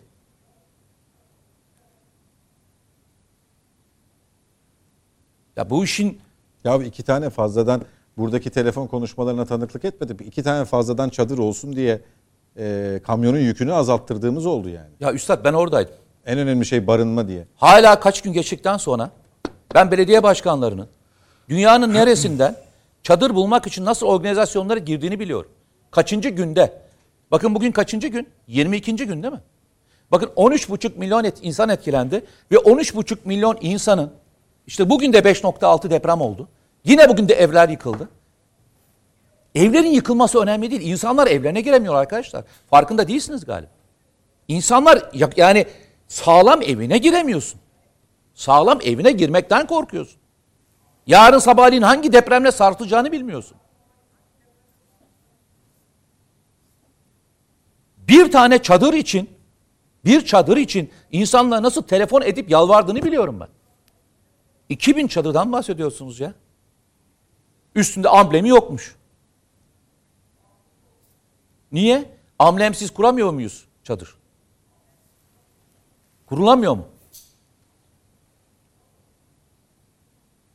E ne yapacağız peki şimdi? Bu tartışmanın bu tartışmanın içerisinde bence tartışılması gereken konu bu arkadaş. Tartışılması gereken bir konu bu. Ne parası, ne satışı. 2050 tane çadırı neden siz gerekli birime bildirip sevk etmediniz arkadaş? Senin görevin 50 bin tane olabilir. 50 bin tane sevk etmek olabilir. Ama şunu da söyleyebilirsin. Ya siz çadır soruyorsunuz ama bizim depomuzda şu kadar da çadır var. Siz dördüncü afet derecesinde yer açıkladınız. Hadi bu çadırları da e, şey yapalım. Hani nasıl nasıl sevk edelim bölgeye? Bir çadır ya bir çadır. İlk 50 bin çadır gönderdiğimiz düşünün. İlk günden itibaren AFAD bölgeye sevk ettiği ve kurduğu çadırların listesini yayınladı mı? Bugünkü sayı 500 bin. İlk günden itibaren ne kadar çadırlar gitti? Ne kadar çadır geldi? 2000, 5000, 7000 arttı sayısı. Artarak gidiyor.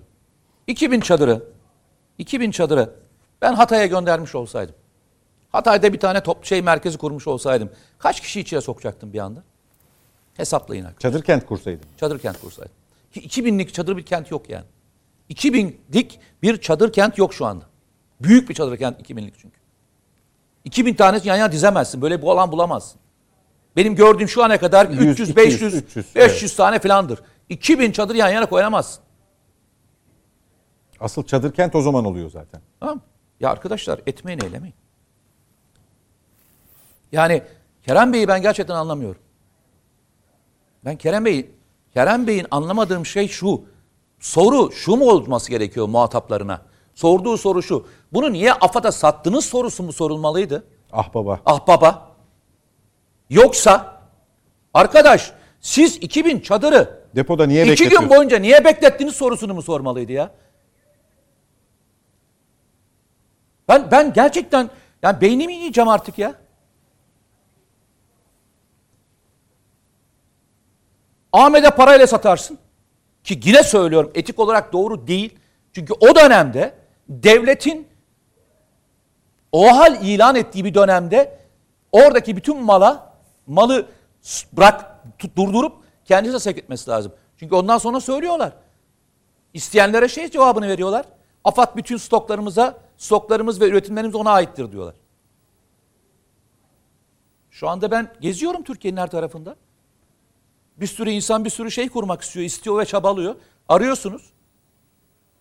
Mesela diyorlar ki AFAD'dan AFAD'a söyleyin, AFAD bize söylesin. AFAD'ın e, üretiminden size iki tane gönderelim. Böyle söylüyor adam. AFAD'a ürettiklerimizden ancak onlar izin verirse size sevk edebiliriz diyorlar. Biz şu anda bütün üretimimizi size ait, ona ait yapıyoruz diyorlar. Nasıl yani? Biz şimdi yurt dışından 100 tane çadır getirdik seninle. Yüzden Türkiye'den bahsediyorum. Ha, Türkiye'de bahsediyorum. Bazı bütün yani büyük üreticilerin Hayır canım ben şimdi siz ik- ikimiz üçümüz 100 tane ta- yurt dışından aldık verdik yurt dışından parasını. bahsetmiyorum. Hayır ama netice itibariyle onların gösterdiği bölgeye kuracağız. Kendi kafamıza göre gidip kuramayız ki. Öyle değil mi? Bu benim söylediğim o değil. Ben şahsen yok kurabilirsin. Anladım seninkini. Kurabilirsin. Üreticiden Ya ben alırım. Alımından 500 tane çadır da alırım. Ben giderim evinin bahçesine kurmak isteyen adama al kardeşim al al al al evinin bahçesine kurabilir. Hiç kimsenin evinin bahçesine kurmasıyla ilgili bir sıkıntısı yok ki. Sen ama bir merkez kuramazsın. Yani bir toplama merkezi kurup etrafını çevirip bir organizasyon yapamazsın. Organizasyon yapamazsın. Ama Anladım. senin Kişisel olarak kişisel olarak evin vardır. Evinin bahçesine çadır kurmana hiç kimsenin veya dağ köylerinde veya köylerde herkesin kendi evinin bahçesine koyması ile ilgili bir sıkıntı yok. Ya bunun için AFAD'dan çadır almana da gerek yok. Kendi çadırını da dağıtabilirsin. Kimse bu konuda çadır dağıtamazsın diye falan diye bir de- dert ettikleri olduğunu zannetmiyorum. Görmedim ben çünkü. Ben çünkü gördüm onu. Bu var diye böyle hani e, şeye falan gidildiğinde, kampiklere falan gidildiğinde değişik çadırlar vardır. Ben o çadırların dağıtılıp evlerin çadır, bahçesine kur- kurulan yerleri gördüm birçok yerde. Yani adam, adama herhalde muhtemelen gelmiş, vermiş. Bir şirket olabilir, STK olabilir, başka bir şey olabilir. ya almıştır Bahçelerine spor kurmuştur. mağazasından ıı, stoklamıştır, vermiştir, götürmüştür. Ee, Bir hayırsever. Şimdi bizim bize öğretilen hayatımızda da e, en azından devlette olduğum kadarıyla söyleyeyim. Öğretilen bir kav- kavram vardır. Bu kavramı bir kez daha hatırlatmak istiyorum arkadaşlar. Bizde sorumluluklar vardır. Sorumluluklar vardır. E, Bir de hukuki olarak devredemeyeceğiniz şeyler vardır. Siz görevinizin, görevlinizin bir kısmını yetkilere devredebilirsiniz. Yani kullandırtırabilirsiniz. Ama bu sizin sorumluluğunuz üstünüzden almaz. Almaz. Kızılay bu depremde yapması gereken üç faaliyet nedir diye sorsam sana. Sen bana ne derdin? Kan, kan stokları değil mi? Ki her gün kan stoğu konuşuldu. İkinci ne derdin? Bölgeye gönderilecek olan yiyecek yardımları. Çünkü Kızılay'ın görevlerinden bir tanesi de yiyecek yardım yapıyor. Yani bölgede aşevleri kuruyor. Ki Gördüm. Sıcak yemek dağıtıyor. Sıcak yemek yapıyor ve konserve- ekmek Hı hı. ekmek üretiyor. Gerçekten de gördüm yani her yerde gördüm. Ekmek üretiyorlar ve aşevleri kurmuşlar. Gördüm hepsini gezdiğim için gördüğüm için söylüyorum. Bir bölgeden bahsetmiyorum. Üçüncüsü ne dersin? Çadır dersin değil mi? Çadırların e, yapılıp üretip teslim edilmesi dersin. İkisinin ikisinin yapıldığı yer neresi? Bu lojistik şirketi. Bu lojistik şirketi. Yani Bu arada İzmir'de de deprem olmuş az önce. 4.1 evet. 4.1. Foça açıklarında. Ee, lütfen doğru sorular soralım ve doğru sorulara doğru cevaplar arayalım. Ben sorumu sordum. Benim sorum tek. Kerem Bey'e de soruyorum buradan. 2050 çadırı iki gün boyunca kime bildirdiniz? Uluslararası yardım isteyip çadır istenme durumu varken neden arkadaşlarınız bu çadırları ilgili birimlere bildirdiler mi? İlgili birimlere göndermek istediler mi? Ben de bu soruyu soruyorum. Başka bir şey sormuyorum. Ya ben de bir soru sorayım ya. Ee, şimdi Serhat Bey, şimdi Mete Bey e, belli bir noktadan yola çıktı. Haklı şeyler söylüyor ama şimdi bunun temelini bilmemiz lazım. Şöyle bir durum var mı? Ben mi atladım? Yani deprem olduğu zaman birinci gün, ikinci gün, ilk acil günlerde de Kızılay'da bölgeye bir çadır sevkiyatı sıkıntısı mı yaşandı? Çadırımız yok veremeyiz mi dedi. Yani devlet oraya çadır istedi Kızılay'dan elimizde yok dedi bekletti mi? Yani eğer böyle bir şey varsa skandal. Ama böyle bir şey yok. Zaten Nedim'in söylediği gibi 500 bin çadır günler içinde yani toplam 22 gün oldu. 22 gün içinde toplam 500 bin çadırın ne bileyim 50 bini ikinci gün, üçüncü gün gittiyse zaten o zaman bu Mete Bey'in sorusuna gerek kalmıyor. Ama e, Mete Bey demek ki bunun olmadığını biliyor, düşünüyor. O zaman Yo, ben öyle skandal. demiyorum. Ben öyle Yani demiyorum. Kızılay'dan devlet is- Ben öyle demiyorum. Bilse ben, sormaz zaten. ben, ben, E peki, ben başka bir şey iki- sordum. Benim sorduğum soru o Ama değil. 2000 çadırı bekletmiş gibi sanki Kızılay. Bekletmiş vermemiş de ahbaba vermiş gibi anladım ben buradan. Yani İsterseniz öyle bir mi daha oldu? anlatayım. Bir daha anlatayım isterseniz. Bir daha anlatayım. Hiç sorun yok. Bir defa daha anlatırım. Hiç önemli Özet değil. olarak evet. Şimdi AFAD'ın kendi Ya, özet depolarında olarak çadırlar yani. var. AFAD'ın kendi depolarında çadırlar var. AFAD kendisi depolarında da çadır bulunduruyor. Tamam. Acil durum her ilde depreme yakın olan bölgelerde lojistik merkezleri kurulmuş durumda. Bu lojistik merkezlerinde AFAD'ın stokları var. Battaniye stokları var, çadır stokları var, yiyecek stokları var. Ayrıyeten bu Kızılay Lojistik'in de kendi içinde var. Ben de diyorum ki Tamam. Sorduğum Sıkıntı soru yaşandı şuydu. mı Mete Bey? Hayır Yani sorduğum soru o. şuydu. Bu arada ellerinde 2000 tane markasız bakın markasız yani üzerine amblem vurulmamış AFAD mührü veya şeyi vurulmamış 2050 tane çadır var. Ve yetkililer kaçıncı gün bunu onlardan alıyor diye sordum. İkinci günün sonunda. Yani 48 saatin sonunda 48 saatin sonunda bunu AFAD, ahbap yetkililerine veriyorlar. Ben de dedim ki sorum şöyle dedim. Bir çadırın bile önemli olduğu uluslararası yardım istediğimiz bir organizasyonda kenarda bizim 2050 tane stoğumuz var. Ahbap istiyorsan sana bunu verelim demenin mantığı nedir diye sordum. Zaten senin elinde böyle bir acil durumda her şeyi sevk edeceğin bir sistemin olması gerekiyor. Sen yetkililere 2050 çadırın elinde olduğunu bildirdin mi? Ve onlar istemediler mi? Soru Ha, buydu. Bildirmemiş mi? Ya bilmiyorum ben soruyorum işte. Evet yani onu bilmemiz lazım. İşte soruyorum ben de mi? sorun bu işte. Yani, Yani siz onu- bildirdiniz onu de almadılar mı? lazım. Almadılar mı? Almadılarsa Yani- söyleyecek soru zaman başka birisinedir. sor- Aldılarsa ve siz bildirmediyseniz o zaman başka şey sorulur. Onu söylüyorum.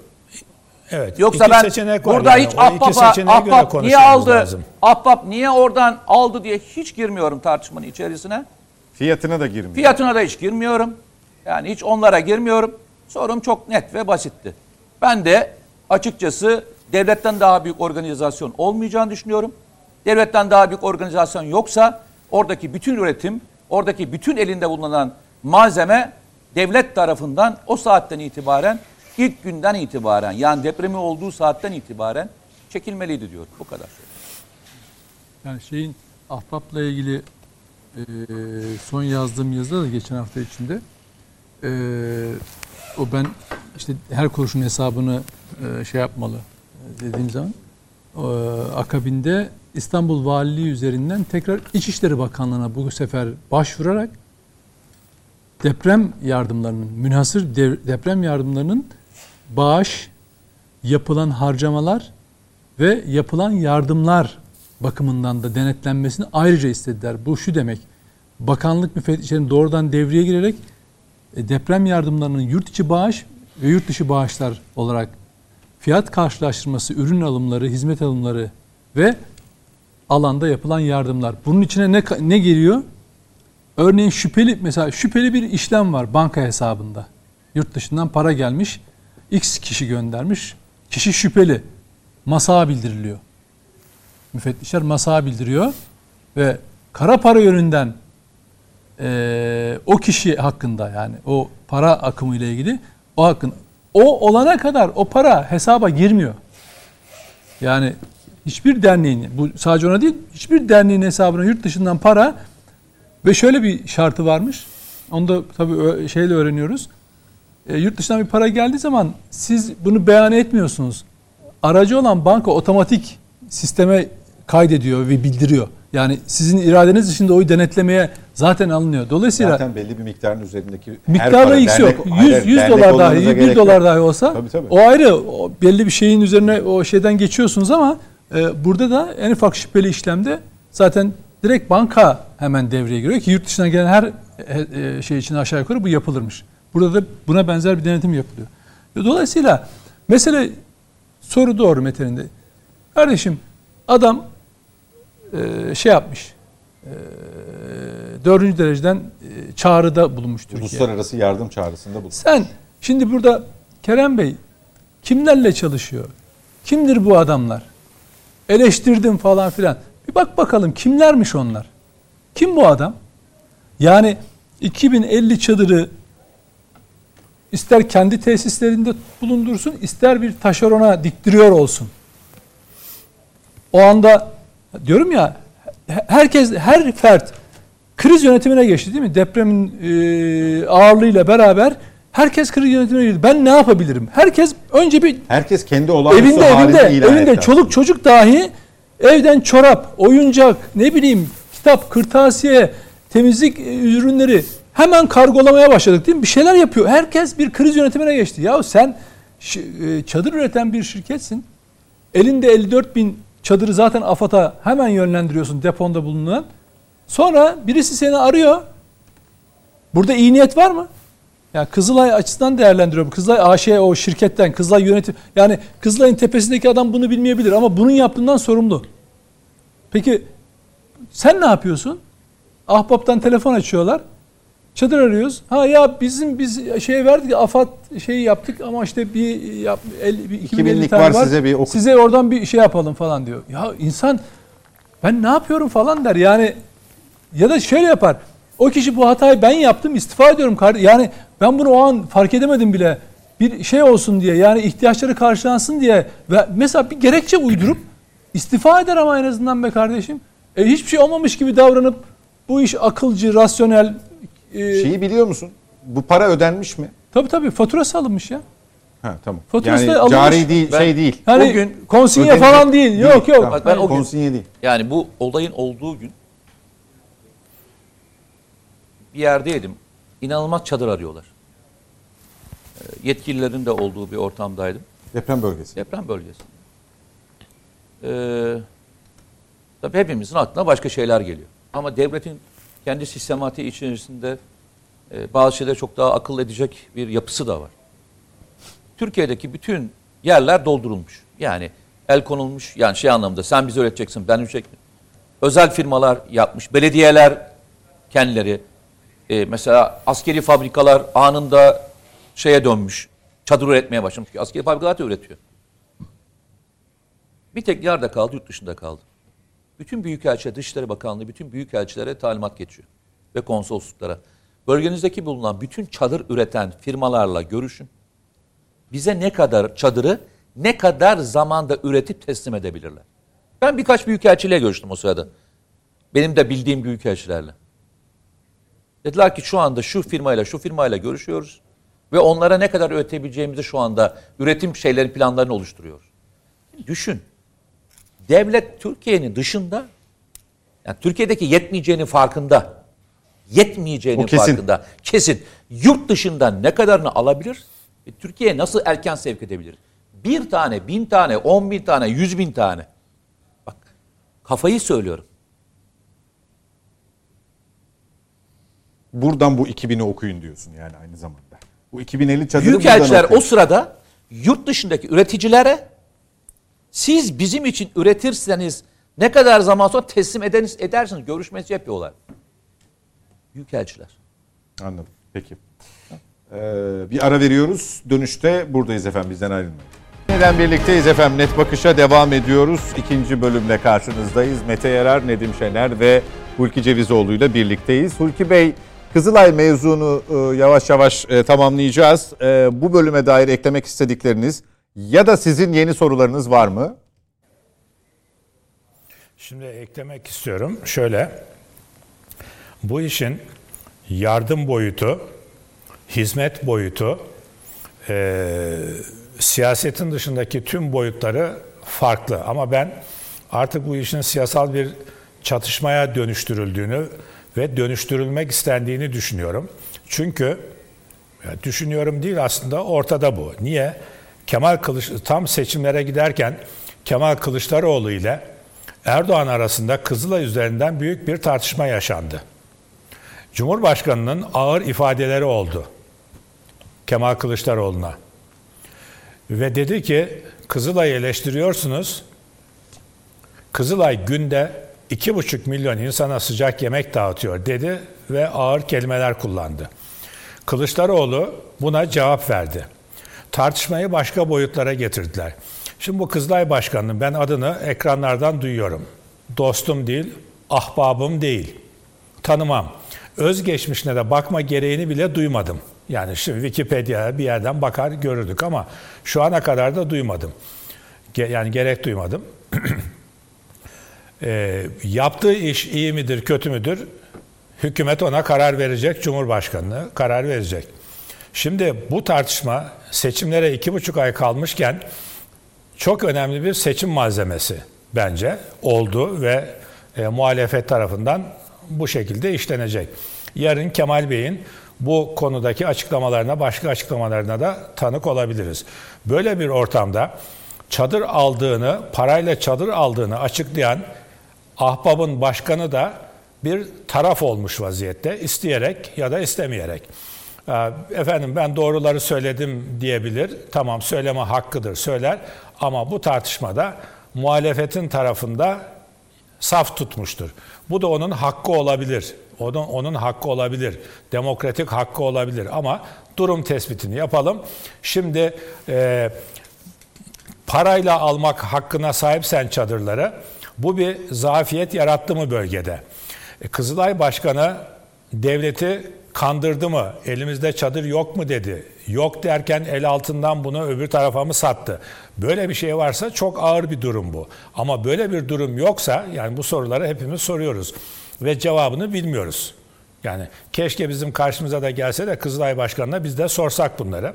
Cevabını bilmiyoruz. Şimdi Kızılay Başkanı başka bir televizyonda konuşuyor. Ee, Ben reklam arasında da yayın sırasında da baktım açıklamalarına izledim. Başka konulardan da söz ediyor. Bu konuya değinmiş. Kızılay'ın genel bölgedeki yaptığı işlere dönmüş e, konu. Ama bu sorulara belki sormuştur oradaki gazeteci arkadaşlar.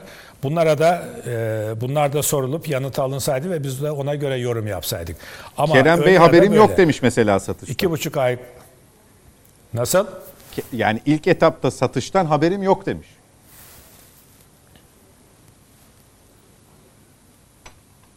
Ya ama daha önceki yaptı. Bu, bu akşam mı söylemiş bunu? Bu akşam söylemiş, öğrenince de arkadaşları eleştirdim demiş.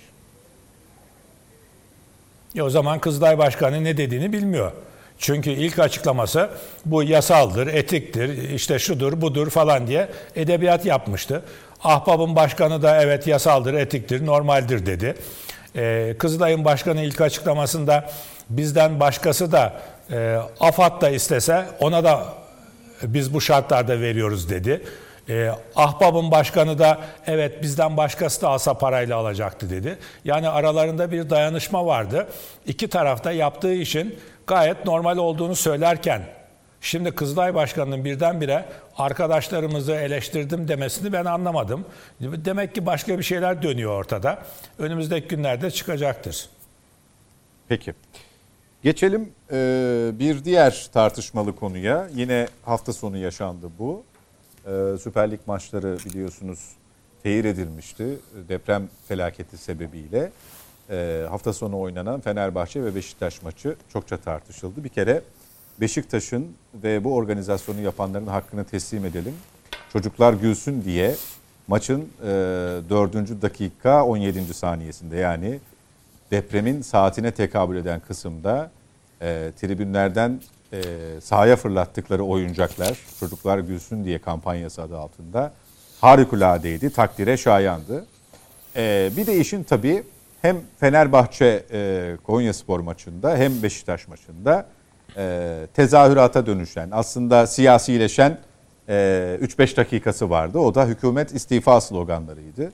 Bu bugün dahi halen e, sosyal medyada gündem konusuydu, tartışılıyordu. E, Nedim Şener e, gerçekten e, çok iyi organize olunmuş bir e, hareketti. Beşiktaşlıların, Beşiktaş taraftarının o depremzede çocukların e, halini, ahvalini gözetecek şekilde böyle bir organ, organizasyona imza atmaları, kimin emeği, kimin fikri ise bir kez daha e, TVNet ekranlarından e, takdirlerimizi, teşekkürlerimizi sunalım. Ama e, biz bugün sabah şöyle uyandık. Ben en azından öyle uyandım. Devlet başkadır, hükümet başkadır. Yani böyle tariflerle. Ee, işte hükümeti eleştirebilirsiniz, istemediğinizi de belirtebilirsiniz. Bu demokratik bir haktır. Ee, ama işte devlete, millete sahip çıkmak lazım. Hep amalı e, ifadelerle karşılaştık. Nitekim öğleden sonra da e, dün akşamdan bu yana birkaç Anadolu kulübünün e, bu devletin, milletin yanındayız mesajı da e, çokça eleştirildi. Yani e, yalakalık olarak adlandırıldı tabir e, bir ma- maruz görsün izleyiciler.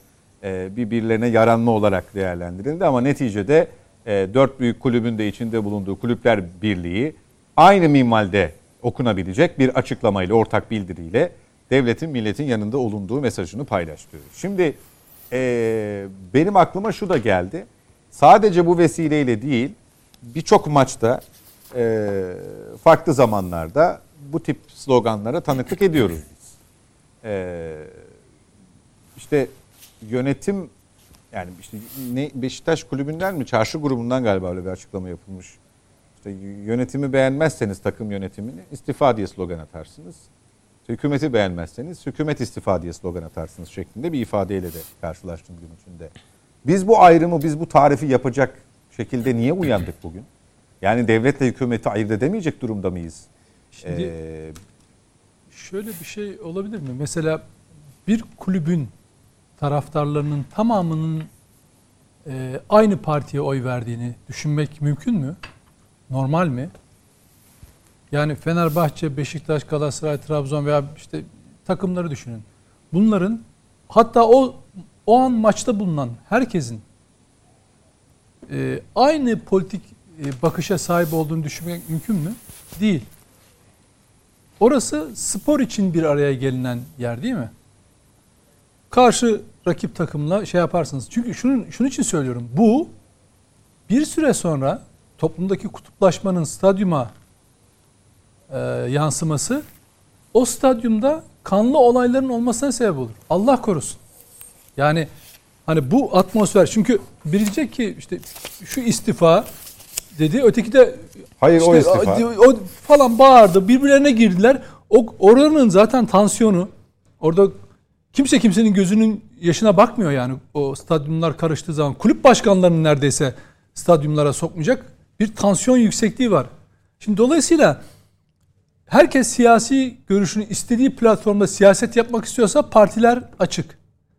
Ama sporun içine bu şekilde e, ne diyelim holiganvari bir yaklaşımı tetikleyecek e, sloganlarla yaklaşırsanız birileri de size karşılık verdiğinde ortaya çıkan sonuç sonuçtan ya niye böyle oldu demeyeceksiniz. Bir de şimdi mesela hükümet dediniz ya hükümet devlet ayrımı var. Bunu nasıl ayırıyorlar? Şöyle. Şimdi TSK'yı komutanları aşağılayacaksınız. Emniyeti aşağılayacaksınız. Milli İstihbarat Teşkilatı'nı aşağılayacaksınız. TÜİK'i aşağılayacaksınız, kapısına dayanacaksınız. Eğitim Bakanlığı'nı aşağılayacaksınız, kapısına dayanacaksınız. Başka kurumlar vardı? Eşittir devlet Kızılay'ı, seversiniz. Kızılay'ı aşağılayacaksınız. AFAD'ı aşağılayacaksınız. Eşittir devlet seversiniz o zaman. Ha de, yo yo devletin bütün kurumlarını aşağılayacaksınız. Peki devletten geriye ne kaldı elinize? Yani hani ya devlet bizim diyenler devletin bütün kurumlarını şimdi, şimdi hükümet ve kabine e, ve e, meclisteki temsilcilerini şöyle bir tarafa bırakalım. Geri kalan kişiler bu devletin içindeki yapılar değil mi? İnsanlar, bürokratlardan oluşuyor. Bürokratları tehdit edeceksin. Söyleyeceksin ki bu efendim e, biz hü- hükümet ayrı, şey ayrı, devlet ayrı. Ama işte bunları sayarak devletin sahipsiz olduğunu söyleyerek kendisinin kendilerinin devlete sahip çıktığını iddia ediyorlar. Hangi meşruiyetle yani toplum onlara bu görevi verdiğinde tabii ki onu yönetirler. Hangi meşru tabana da e, şey, Zeminde. zeminde bunu yapacaklar? Seçime girecekler, kazanacaklar. Devletin o kurumlarında istedikleri atamaları yapacaklar ve yönetecekler. Bu bu kez onlara muhalif olanlar aynısını yapacaklar. Unutmasınlar. Hep böyle oldu tarih. Ben şu ömrümde YÖK'ü bugün vurdu yere vur yere çalanlar ellerini kımıldatmadılar YÖK'ü kaldırmak için. YÖK hala hayatımızda değil mi? Mesela basit bir örnek veriyorum. Şimdi dolayısıyla aslında yapmak istedikleri ne? Yani şeyi devlet de- de- bakın şu şu tuhaf, tuhaf geliyor. Türkiye Cumhuriyeti devleti var. Kurumlarıyla, organlarıyla tamam mı? Yargısıyla. Şimdi yargıyı şey yaptınız, linç ettiniz. Adalet yok dediniz. Meclis zaten şöyle dediniz. Anayasadaki organlardan bir tanesi. Yürütme zaten gözlerini gö- yani gö- gözleri göresi yok. Altındaki organları mesela Cumhurbaşkanı'nın yardımcısı değil mi?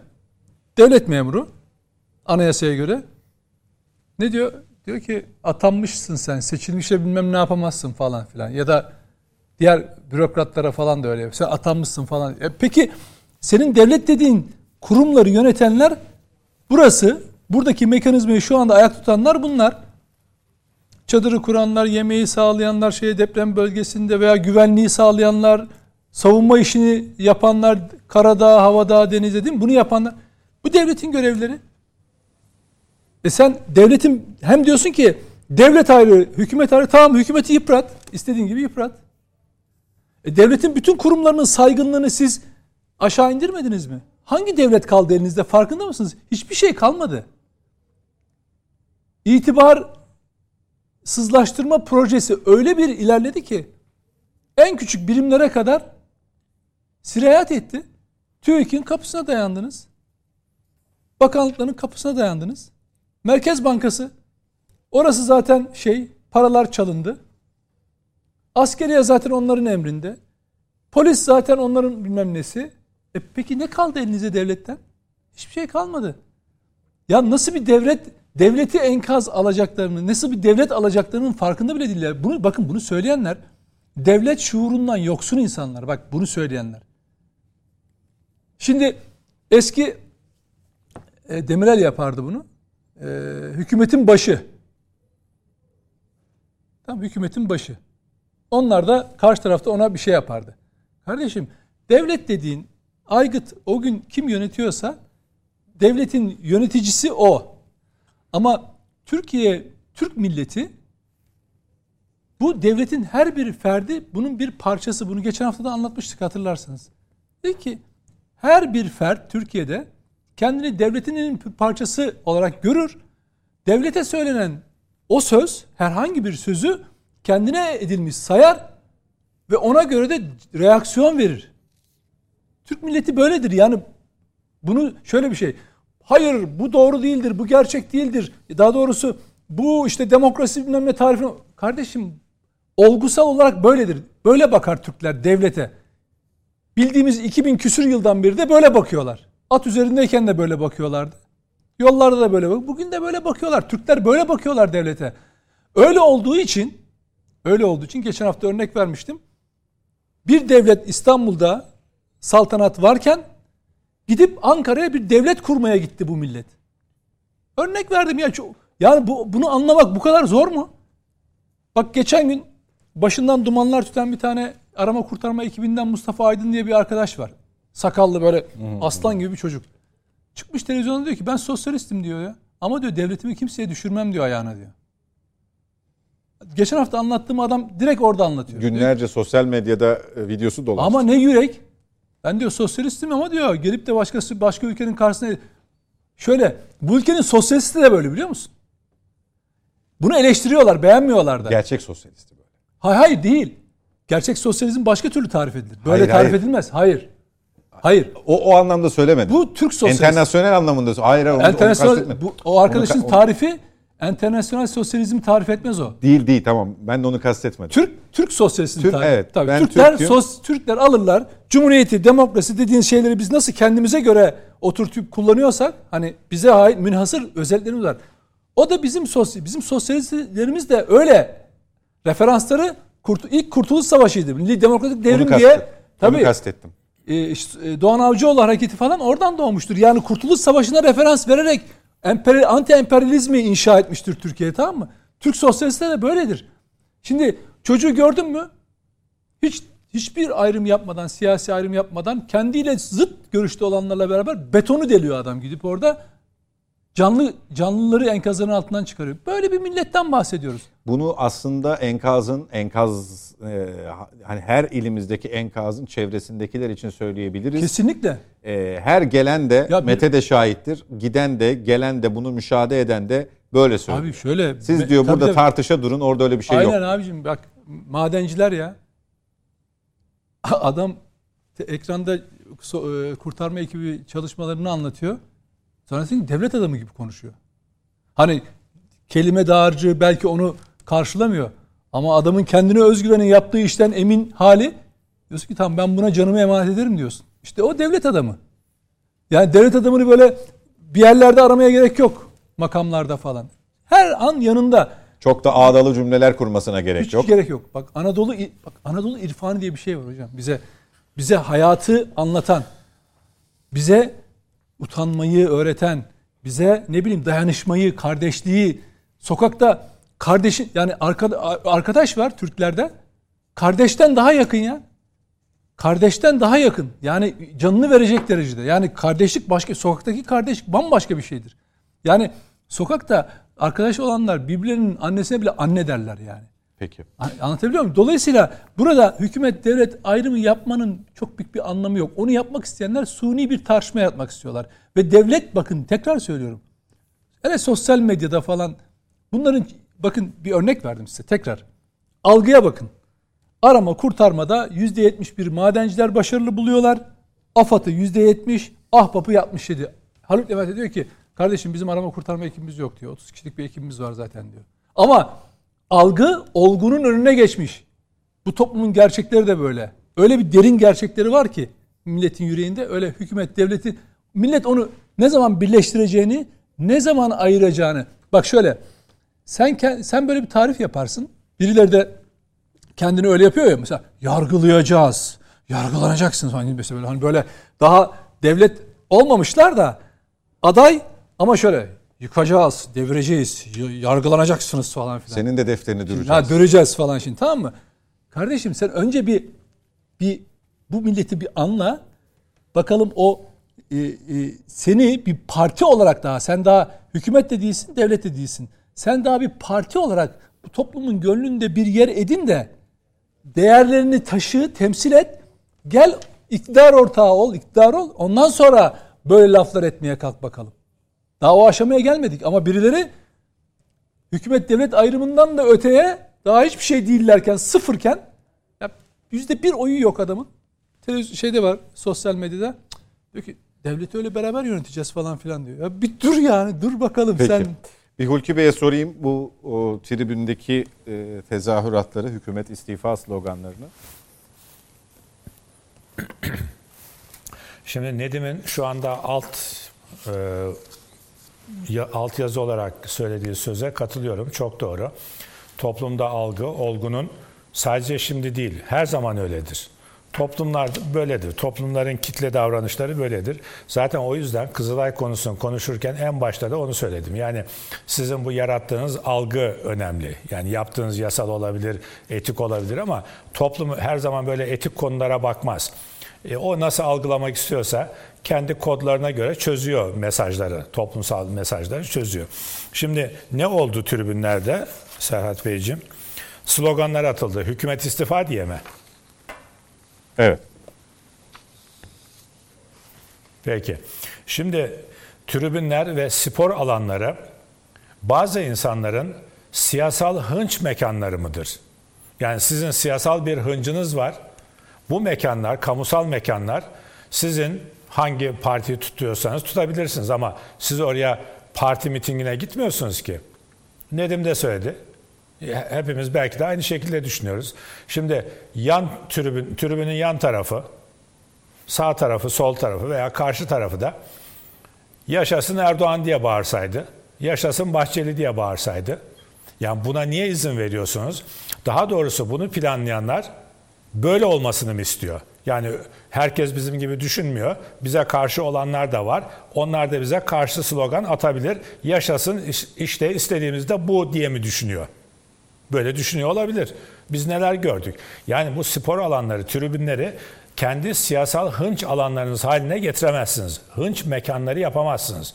Seçim geliyor iki buçuk ay. Sandık var değil mi? Yani bu muhalefet, şimdi muhalefet sporu da kullanarak, kusura bakmasınlar, muhalefet sporu da kullanarak siyaset yapıp iktidarı devirmek istiyorsa bunu siyasi alanlarda, demokratik alanlarda ve sandık başında yapacak. Bu kadar basit. E yarın bunun sonu na- alınabilir mi?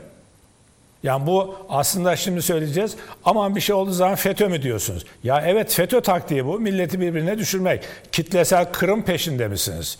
Kitleleri sanal olarak, fiziki olarak birbirine kırdırma peşinde misiniz?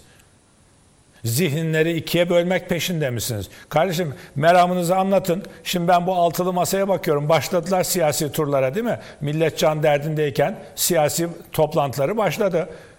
Siyasal bir paylaşma kavgası içindeler. Hani dünya savaşları, dünyadaki emperyal paylaşım e, nedeniyle, ekonomik kaynakları paylaşım nedeniyle çıkması gibi bunlar da şimdi bakanlıkları kim alacağız? Daha bir şey kazanmamış. Daldaki kuşları paylaşma kavgasındalar. E o zaman buna sporu alet etmeyin. Siz de çıkın kınama yapın. Yani muhalefet olarak siz de bu tribünlerdeki siyasallaşmayı, tehlikeli siyasallaşmayı kınayan açıklamalar yapın muhalefet olarak. Ya seçim artık bu altılı masanın şeyi şimdi konuyla bağlantılı olduğu için oraya getirdim. Yo, onu da Altılı konuşacağımız masanın e, tavrı bugüne bir bölüm Tamam. olacak. söyleyeceklerim var o zaman da ama şimdi sporla bağlantısını söyleyeyim. Çıkıp burada bu olayı e, kınamamış olmanız yanlış. Siz bize ne vereceksiniz? Toplantı şu hale geldi. Yani bu masanın daha söyleyeceklerim çok vardı o zaman söyleriz. Bu masanın tek hedefi seçimi kazanmak. Hayır arkadaş seçimi kazanmak değil. Seçimi kazanmayı tabii ki hedefleyeceksiniz ama seçimi kazanmak bir araçtır. Siz seçimi kazanıp topluma ne vereceksiniz? Amaç bu. Biz bugüne kadar topluma ne vereceklerini özellikle toplumun temel sorunları konusunda her kafadan 6 tane ses çıktığı için o masada topluma ne vereceklerini bilmiyoruz. Kavgaları, şu andaki mücadeleleri efendim aramızdan veya dışarıdan bir kişiyi aday göstereceğiz. Diyelim ki Cumhurbaşkanı seçildi. E biz ortada kaldık. E şimdi o adayı belirlemeden ve o adayı onaylamadan ne koparabiliyorsak, ne kapabiliyorsak kapalım. Ne kapabiliriz? Cumhurbaşkanlığı yardımcılığı kapabiliriz. E, milletvekilliği kapabiliriz. E benim yanımda parti genel başkanı olarak ya sıfır oyunuz var ama şunu planlıyor. Benim yanımdaki arkadaşlarıma da 3-5 tane milletvekilliği kapayım. Bunun kavgasında. Peki vatandaşa ne vereceksin? Onları az sonra konuşuruz. Duymadık daha. Bunların deprem konusundaki eleştirilerini gördüm. Ya ben şimdi iktidarı tutan bir adam değilim ki. Doğruya doğru söyleyen bir adamım. Şimdi muhalefet iktidarı eleştiriyor bu deprem felaketini. Hakikaten 100 yılın felaketi ya. Amerika gelse başa çıkamazdı onu söyleyeyim. Amerika gelse başa çıkamazdı. Amerika'da elektrikler kesildiği zaman milletin anında yağmalamaya başladığını biliyoruz ekranlardan. Yıllardır biliyoruz. Elektrik kesildiği zaman yağmalamaya başlıyor. Ya böyle bir felaket olsa Amerika'nın süper devleti kalmaz. Yani olmadığını görüyoruz zaten birçok alanda. Amerikan Amerika bir propaganda devletidir. Propaganda. Sürekli propagandayla. Nasıl Hitler ne diyordu? Benim ordularım gitmeden evvel propagandayla o ülkeyi esir alırım diyordu. Bu Amerika'da öyle. Propagandasıyla büyük devlet hikayesi yapıyor. Amerika gelse bu depremde sıfırı çekerdi. Şimdi siz muhalefet olarak eleştiriyorsunuz. Eleştirin ama zamanı mı? Seçim propagandası başlasın. En ağır eleştiri yapın ama haklı olsun da ağır olsun. Haksız ağır eleştiri değil. Şimdi medyada görmedim. Ben bakayım dedim.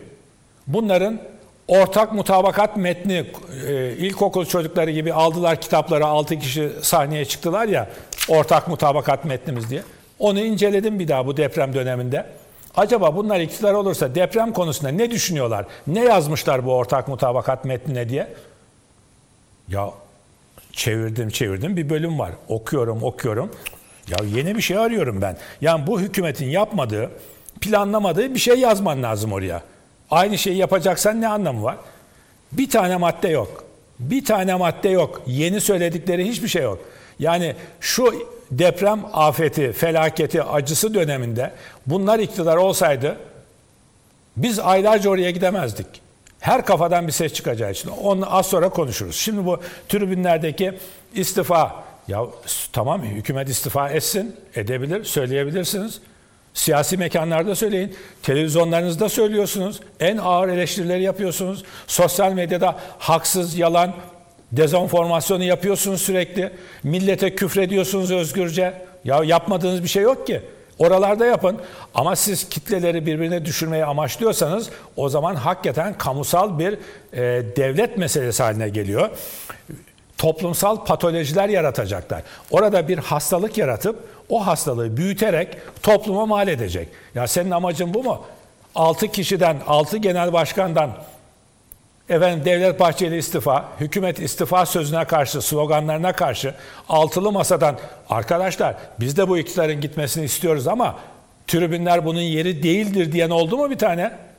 Ya biz bu iktidarı devireceğiz. Ama tribünler bunun yeri değildir diyen oldu mu 6 kişiden birisi? Yok, ya bu destek, nasıl destek, destekleyenler oldu Beşiktaş e, ya da Fenerbahçe Ne taraftarını mesela? bu anlamda Kim? sloganlarla destek e, sloganlara destek mesajları gördük. Yok yok. Altılı masadaki 6 tane genel başkandan bunları kınayan açıklama var Yok. mı diyorum. E tamam. Yani şimdi bu, buralarda kendi eksikliklerini tribünlerde siyasi partiler kendi siyasal eksikliklerini, siyaset yenilgilerini, eksik, eksikliklerini tamamlama mekanları olarak da kullanıyorlar. Bizim bir eksiğimiz var. Ne? İktidar olamamak. İktidar olamadık o zaman siyasi sporu buna alet edelim. Kesinlikle yanlış ve kışkırtıcı bir durumdur bu. Tehlikeli bir oyundur. Peki. Bunu yapmamaları gerekir. E, diyelim o kadar evet. Mete Erer, Devlet Bey'in Sayın Bahçeli'nin Beşiktaş üyeliğinden istifa etmesini nasıl değerlendiriyorsun? Yani eee, bunun organize bir şey olduğu, şimdi iki yönü var işin. Hükümet devlet ayrımı e, Nedim'e sorduğum şekliyle. Eee Hulki Bey'e de şunu sormuştum. Eee, yani tezahür, hükümet istifa sloganları konusunda ne düşünüyorsunuz diye sormuştum ama kendisinin cevabında şöyle bir şey vardı. Yani bu işin provokatif kısmı yönetimlerden bağımsız, kulüp yöneticilerine bağımsız mı düşünülüp değerlendirilmeli?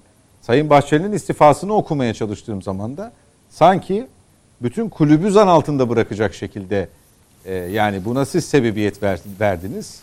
E, siz buna müsaade etmeseydiniz bu yaşanmazdı e, der gibi bir üyelik e, ayrılışı değil mi bu? Üyelikten ayrılış değil mi? Yok sonuçta derneklere isteğinizle girersiniz, isteğinizle çıkarsınız. Yani Sayın Devlet Bahçeli demek ki kendisini e, orada görmedi. Yani ben e, açıkçası bunu merkeze taşıdığını, işte siz bunu e, koordine ediyorsunuz anlamını açıkçası çıkartmadım. Yani çıkartmadım. Ama yaşanan tablodan çok hoşlanmadığını anladım.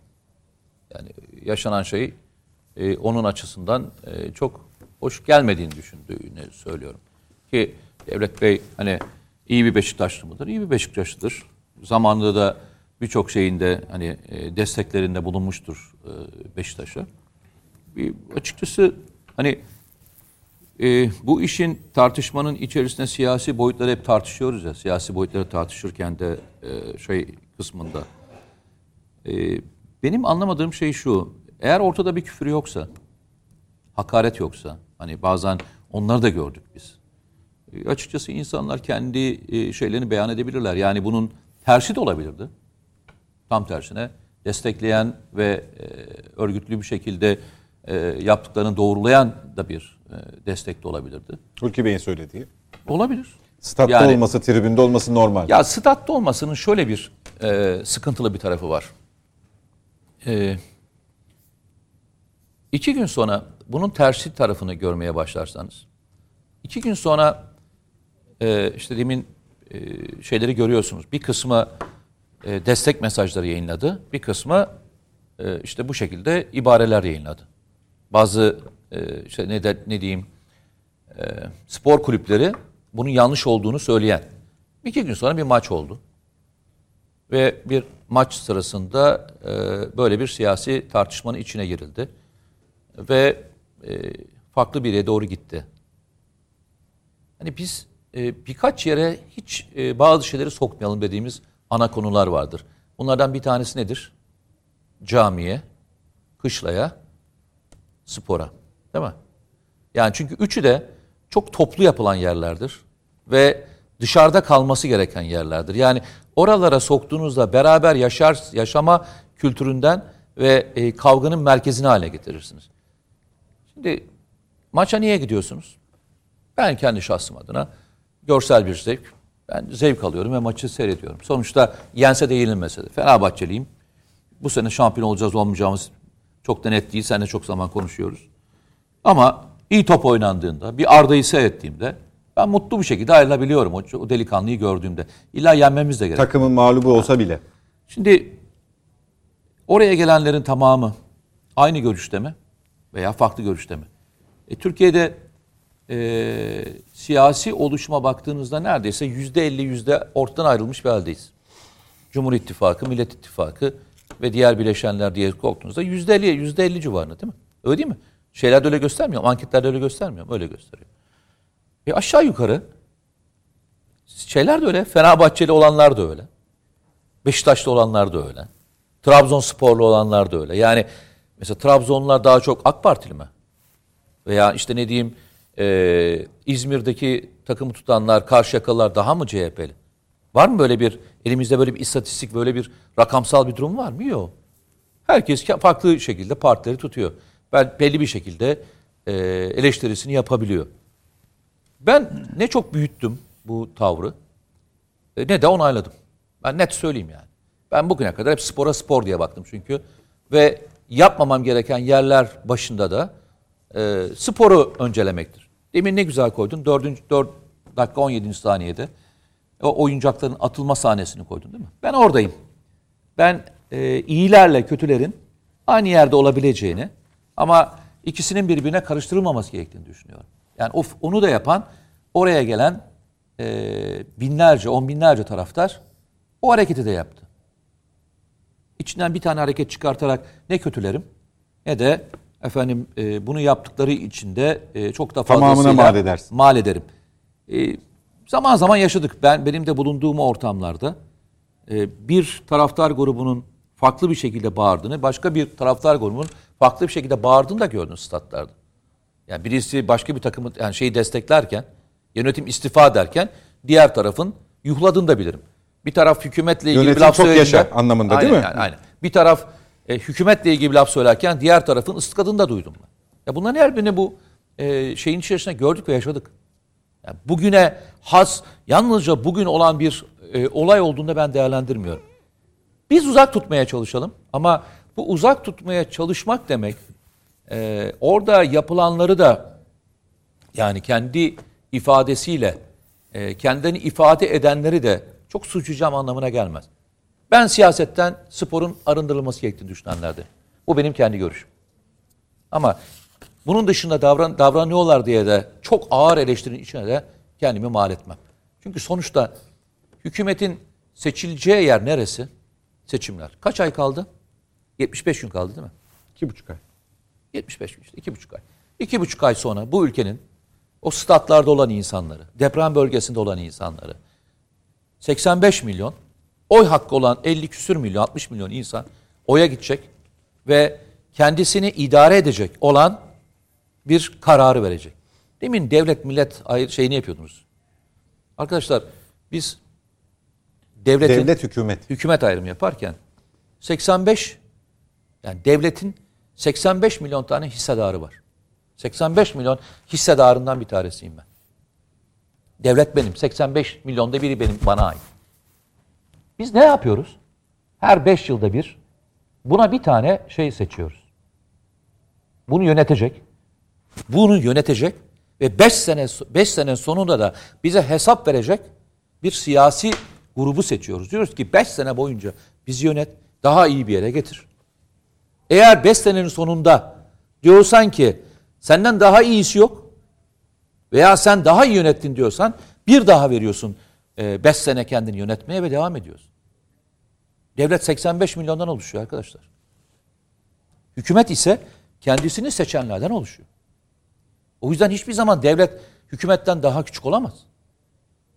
Küçük olamaz yani. Dünyanın hiçbir yerinde böyle bir e, mantık olmaz yani. Öyle olursa zaten hükümetin bir anlamı olmaz. E, o zaman zaten 85 milyon 85 milyonda Devletin, aynı pardon. kişiye veriyorsa sorun Düzelteyim. da olmaz. Devletin bir anlamı olmaz.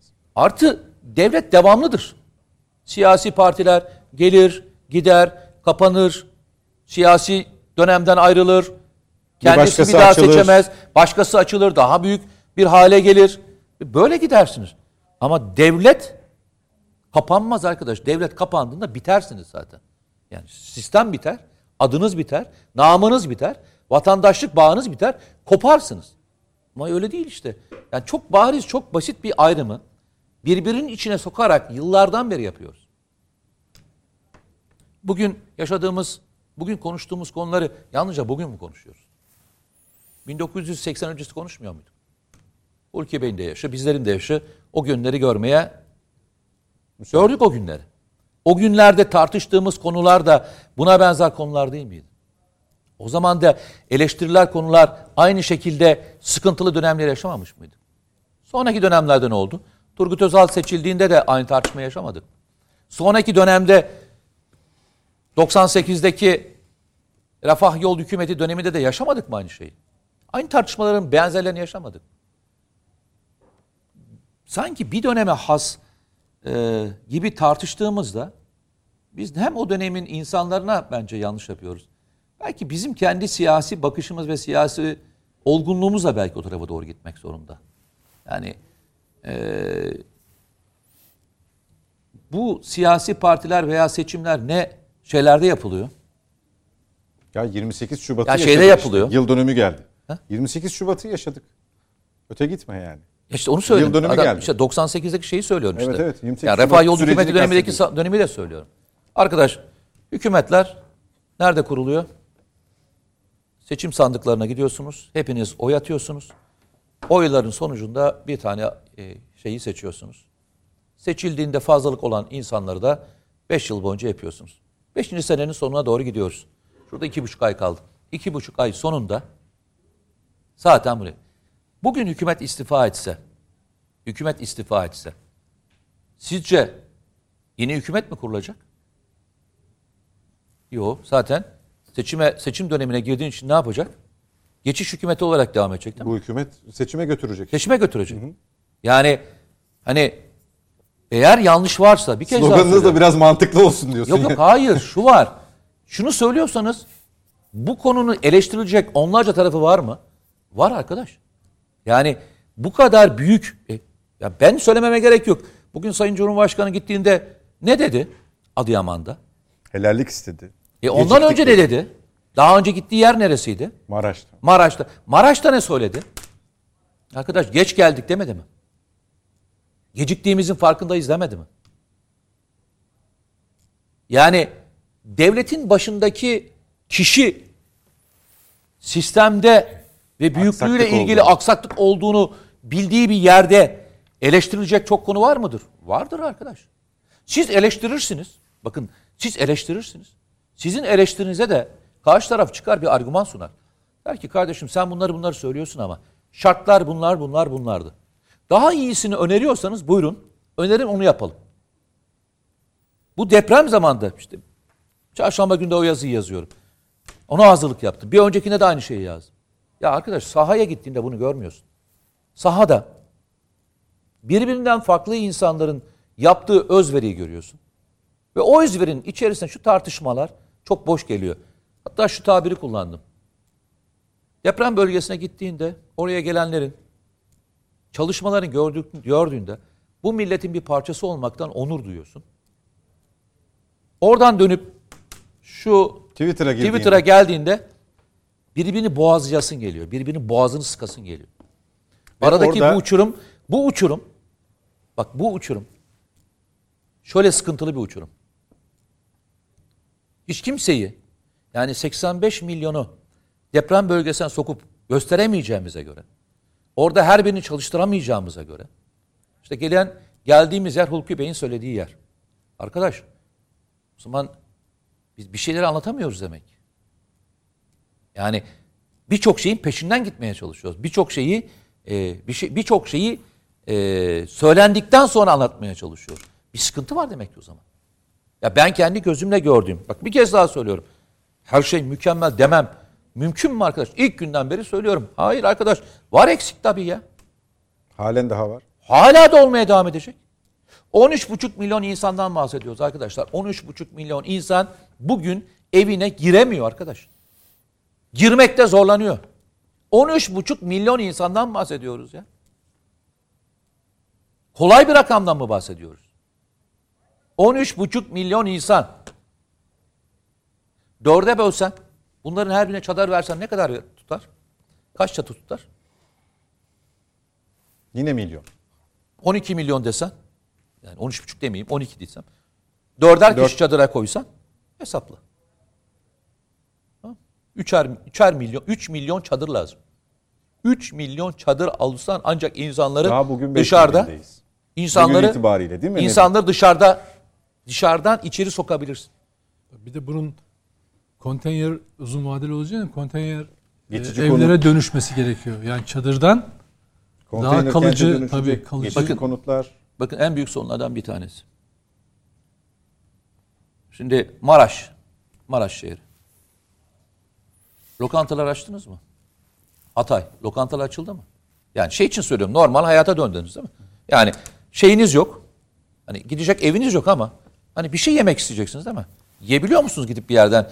Ben şu restoranta gidip oturacağım diyen bir yer kalmış mı ortada? Ne yapıyorsunuz? Cebinizde ne kadar paranız olursa olsun.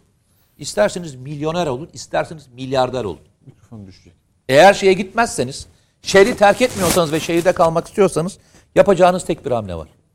Siz de aşevi kuyruğuna girersiniz ve aşevinden size verilen üç öğün yemek neyse onu yersiniz. Paranın geçmediği yerlerden bahsediyoruz arkadaşlar. Paranın geçmediği yerden bahsediyoruz. 22. gün oldu evet doğru. Ama 22 günden beri bina yıkılıyor hala. 6.4 depremi ne zaman oldu? Bundan herhalde bir hafta önce falan oldu Geçen hafta bugün İşte bizim yayından önce. 6.4 deprem oldu. Şimdi yine yayından önce 5.6 yine evler yıkıldı değil mi? Yani şöyle bir şey olmadı ki. Bir deprem oldu, bitti. 22 günden beri düz devam ediyoruz. Bunu da yaşayamıyorsun ki. Normale döndüm dediğin an başa sarıyorsun. İşte normale dönmek için 13,5 milyon insanın işine, gücüne, hayatına, Dönmeye başlama evresinden evresinin bir kısmını, O yıllar sürecek. bir belki. kısmını başarman lazım.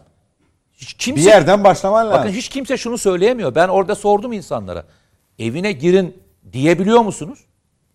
İnsanlar şunu söylüyorlar. Bunu nasıl söyleyebilirim ki diyorlar. Yetkili söylüyor bunu değil mi? Nasıl söyleyecek? Tabii. Nasıl söyleyecek?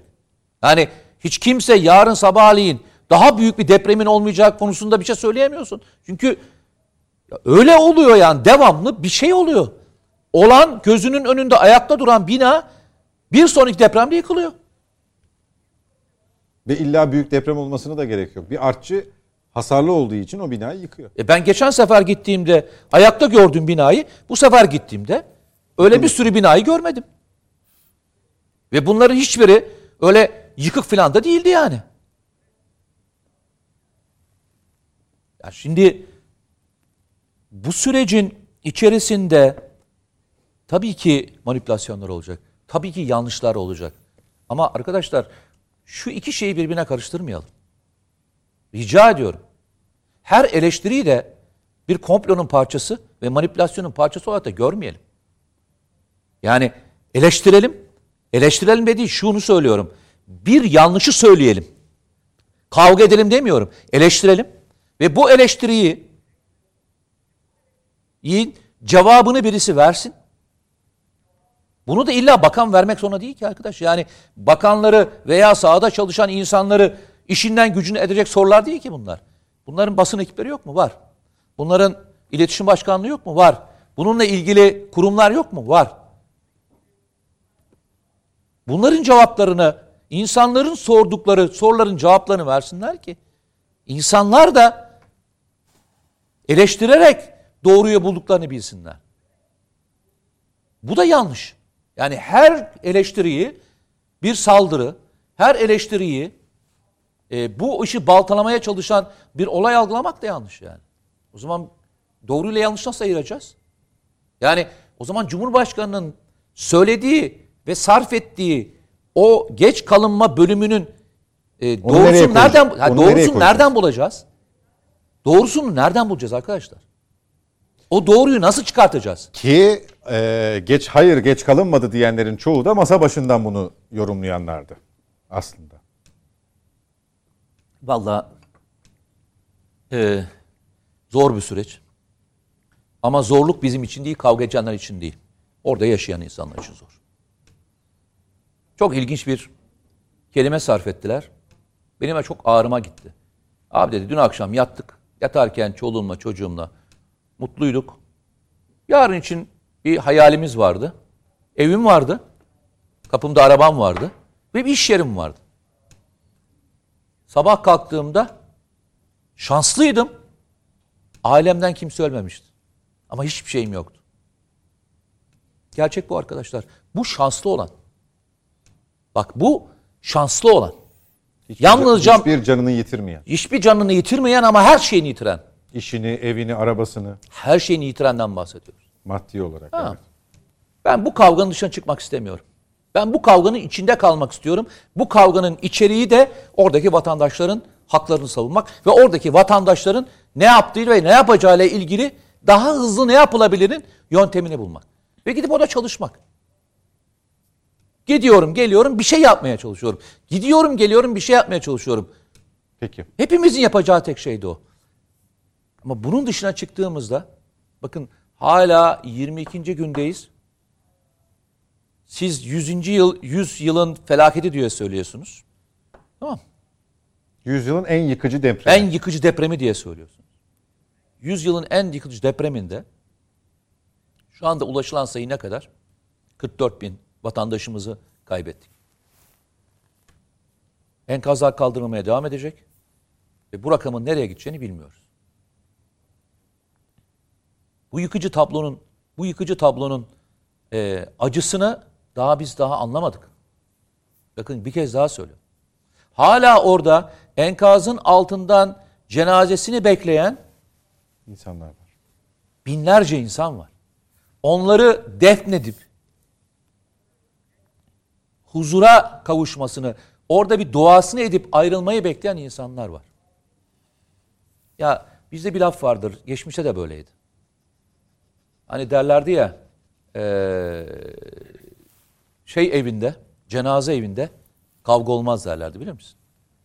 Cenaze evinde kavga olmaz arkadaş. Bugün hala bizim içimizde cenaze evindeyiz şu an. Hala naaşları çıkartmaya çalışıyoruz. Hala insanlara, bekleyenlerin cevaplarını karşılamaya çalışıyoruz. Hala insanların yemeklerini, iaşesini, maddi imkanlarını hayata geçirmeye çalışıyoruz. Ve ayakta tutmaya çalışıyoruz. Bunu kavga ederek yapabilir miyiz? Yapamayız. Eleştirerek yapabilir miyiz? Yapabiliriz. Doğruyu göstererek yapabilir miyiz? Yapabiliriz. Dayanışarak yapabilir miyiz? Yapabiliriz. Ama kavga bunun içerisinde yok arkadaş. Bu kadar ne söylüyorum. Dolayısıyla siyaset diyor. E, siyaset için işte 75 gün sonrayı 75 gün sonrayı hep beraber sandıkta göreceğiz. Peki. Bir ara daha verelim. Ee, o aradan sonra yavaş yavaş toparlayacağız zaten. Bizden ayrılmayın efendim. Son etaba girdik net bakışta. Yavaş yavaş toparlayacağız. Hulki Bey'e dönelim. Altılı Masa'nın da bu arada e, ilk iki bölümde de aslında sorularla saptamalı olarak, atıfta bulunarak daha doğrusu değinmiştik ama biraz açarak konuşalım şimdi. E, 2 Mart'ta e, bir toplantısı var, e, bir buluşması daha var. E, bu toplantı tabii e, depremden sonra yapılacak ilk toplantı olması ve arada da tabii e, Meral Hanım'ın özellikle e, eleştirel anlamda hatta sertçe diyebile, e, diyebileceğimiz açıklamalarının ardından olması, CHP Parti Meclisi'nin Sayın Kılıçdaroğlu'na tam yetki vermiş olmasından sonra bu buluşmanın yine gerçekleşecek olması e, ayrıca önemli. E, bir aday çıkar mı bu toplantıdan? Bir aday ismi çıkar mı? E, Hulki Bey'e soralım. E, zamanda daralıyor tabii bir yandan. Az Hulki Bey'e soralım. Az konuşsun, kısa cevap versin. Zaman Estağfurullah. Son 15 dakikamız diyeyim size. Kullanabilir şey. Ee, evet. Harika. Mete Bey'e çok siyasi kısımlarla Ne kadar- ilgili sormuyoruz. Ne kadar güzel. Ee, 6'şar 7'şer dakika dediğimizde Ne kadar galiba güzel. Çıkışa yakın Tamam. oturuyor süre. Daha kısa sürede daha kısa sürede tam toparlarım. Ee, sizin program ne kadar tam ideal bir sürede bitiyor. Öyle yorgunluğa gerek kalmayacak kalmayacak bir şekilde tebrik ederim. Şimdi bu altılı masa e, nihayetinde 2 Mart'ta bunları konuşabiliriz demeye başladı. Ama 2 Mart'ta 2 Mart'a ne kaldı? Yarın 28 Şubat yani Salı Perşembe. Perşembe günü mü oluyor? İki- Yani şu 2 Yarın. Mart'ta Neydi? Ha, 2 Mart mı? Ha, Perşembe günü. Perşembe. yarın çarşı, yarın salı. Evet yani 3 gün sonra toplantı var. Ama bu arada bu masanın iki ağır topu İyi Parti ve CHP toplantılarına devam ediyor kahvaltıyla birlikte. Şimdi İyi Parti'den mi arıyorlar Nedim'i? Şimdi e, ben şunu tahmin etmiyorum. Yani 2 Mart'taki toplantıdan aday ismi çıkar diye tahmin etmiyorum. Yine çıkmayacak. CHP Parti Meclisi'nin aldığı karar da bir enteresan, ben onu anlamadım. Ee, şöyle, hem Kemal Kılıçdaroğlu'na tam yetkiyi verdik diyorlar, hem de bu yapacağımız açıklamada adı olmayan bir kişi üzerinde ortaklaşa fikre vardık diyorlar. Ne demek bu? Yani siz bir fikre vardıysanız tam yetkinin anlamı ne? Yani bana tam yetki verip de sen karar verdiysen benim tam yetkimin anlamı ne yani? Değil mi? CHP parti PM'sinin açıklaması bu. Tam yetkiyi verdik genel başkanı ama her bütün arkadaşlarımız parti meclisinde konuştu. Konuşmayan kalmadı. Burada adını söylemeyeceğimiz bir isim üzerinde anlaştık. Ya kardeşim ya hala oradan buradan buna gerek var mı arkadaşlar? Yani insan biraz da sinirleniyor değil mi? Yani bana ne de vatandaş sinirleniyor. Hala mı dalga geçiyorsunuz ya? Yani siz biz karar verdik. Bizim adayımız kendi genel başkanımızdır ama adını söylemiyoruz. Siz tahmin edin mi demek istiyorsunuz? Bu nasıl bir açıklama? Sizin adayınız genel başkanınız ise genel başkana tam yetki vermeniz ne anlama geliyor? O tam yetkiyle altılı masaya oturan oturacak olan genel başkan masada başka bir isim olursa önerilirse ve eller onun lehine kalkarsa ona evet diyebilecek mi yani? Tam yetki böyle bu kadar yetkisi var mı Kemal Bey'in? CHP ne olur? Darmadağın olur. Yani Kemal Bey Bir kendisi şey soracağım. dışında Bir şey soracağım. Bilmediğim için bilmediğim için soruyorum tamamen. Ee, bu tam yetki Muhtemelen ben de bilmiyorumdur. bu tam yetki ee, neden bu toplantıdan önce işte geçen hafta verildi zannediyorum. Yani şu ana kadar tam yetkili değil miydi e, Sayın Kılıçdaroğlu? Yani e, ya da Ya bir güven mi tazeledi? Nasıl, nasıl e, okunuyor bu siyaseten? Yok, Bilmediğim için soruyorum tamamen. Bu siyaset böyle bilirsiniz bilirsiniz de yani açmak için sorduğunuza eminim. Bu siyaset böyle, parti politikası böyle. Ee, sorduğunuz gibi bir mantıksızlık oluyor ortada. Ya bugüne kadar işte 11. mi 15. mi toplantısı 13. mü bu kadar toplandı yetkisiz mi toplanıyordu gibi soru geliyor akla doğru. Ama usulen parti meclisinin imza atarak genel başkanımız o masada kim olursa olsun ona evet hayır deme konusunda yetkilidir demek ayrı bir şey. Bunu bu hale getirmişler. Şimdi Kemal Bey bu yetkiyle Hulki Cevizoğlu adayımız olsun diyebilir. Mete Bey adayımız olsun diyebilir. Nedim'i de aday gösterebilirler. Seni göstermezler muhtemelen. Yani bizlerden birine aday gösterme yetkisine bile sahip şu anda Kemal Bey. Ama yapabilir mi? Yapabilir mi? Yapamaz. Yani şahısımız olarak değil de CHP'nin onaylamayacağı bir ismi mesela Demokrat Parti Genel Başkanı da o masada. Hadi biz bizim bize tabi olacak, bizim güdümümüzden çıkmayacak bir aday arıyoruz dediler ya bugüne kadar. Demokrat Parti Genel Başkanı küçük bir parti, etkisiz, yetkisiz. O bizim sözümüzden çıkmaz. Hadi ona aday gösterelim deseler. CHP'de kıyamet kopar. Yani bu yetki de çok fazla bir anlama gelmiyor.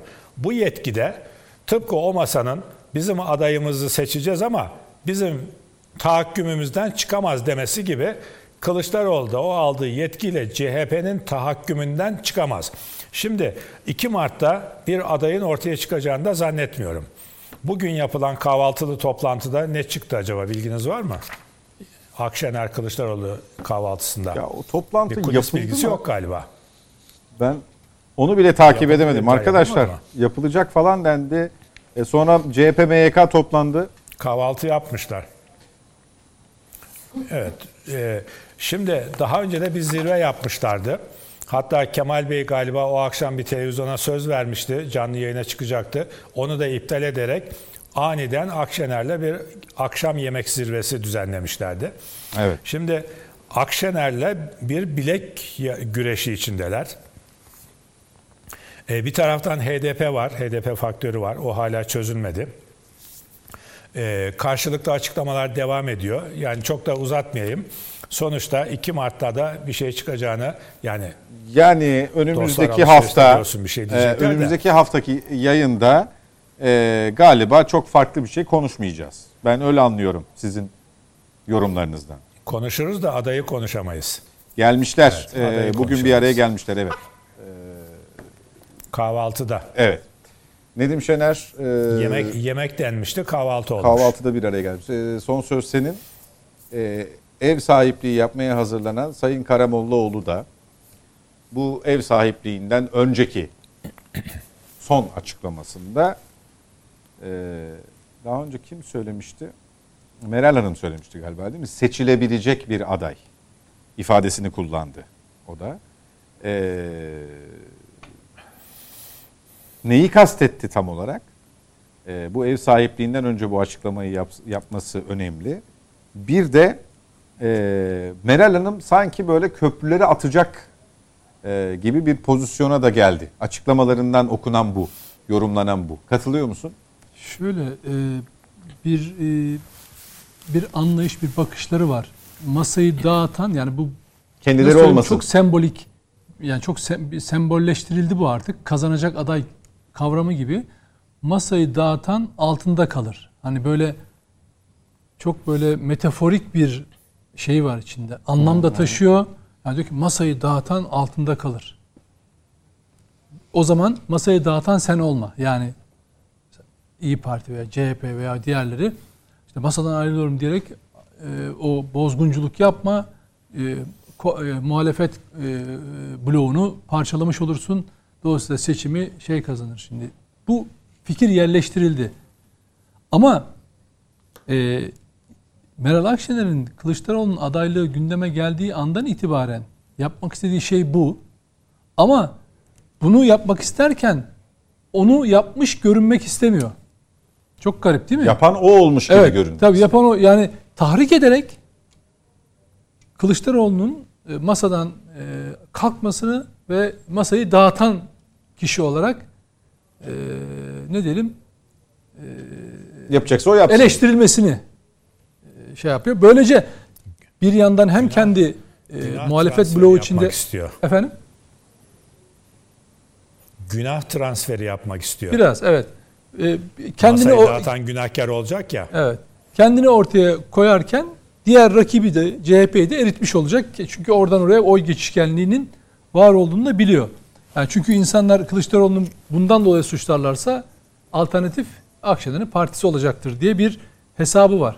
Yani aslında Akşener'in genel tutumuna baktığınız zaman sanki bu seçim değil de çok fazla derdi bir sonraki seçimmiş gibi. O başbakan olacağım lafları falan da biraz ona atıp ana muhalefet olmak ya da iktidar partisi olmak gibi bir gizli bir şeyi var. Bir niyeti varmış gibi görünüyor. Ama öbür taraftan e, bunun bir çatışma konusu ve blokta tartışma konusu olacağını bildiği halde İmamoğlu faktöründen ki bir ara Mansur Yavaş da içindeydi. Bundan da vazgeçmiyor. Bunun CHP açısından, Kılıçdaroğlu açısından bir tartışma konusu olacağını ve buna şiddetle karşı çıktığını Ama gördüğü halde Şener, e, kavga şöyle- konusu Evet, e, şöyle bir olacağını şey bile var. bile üzerine durdu. Şöyle bir şey var.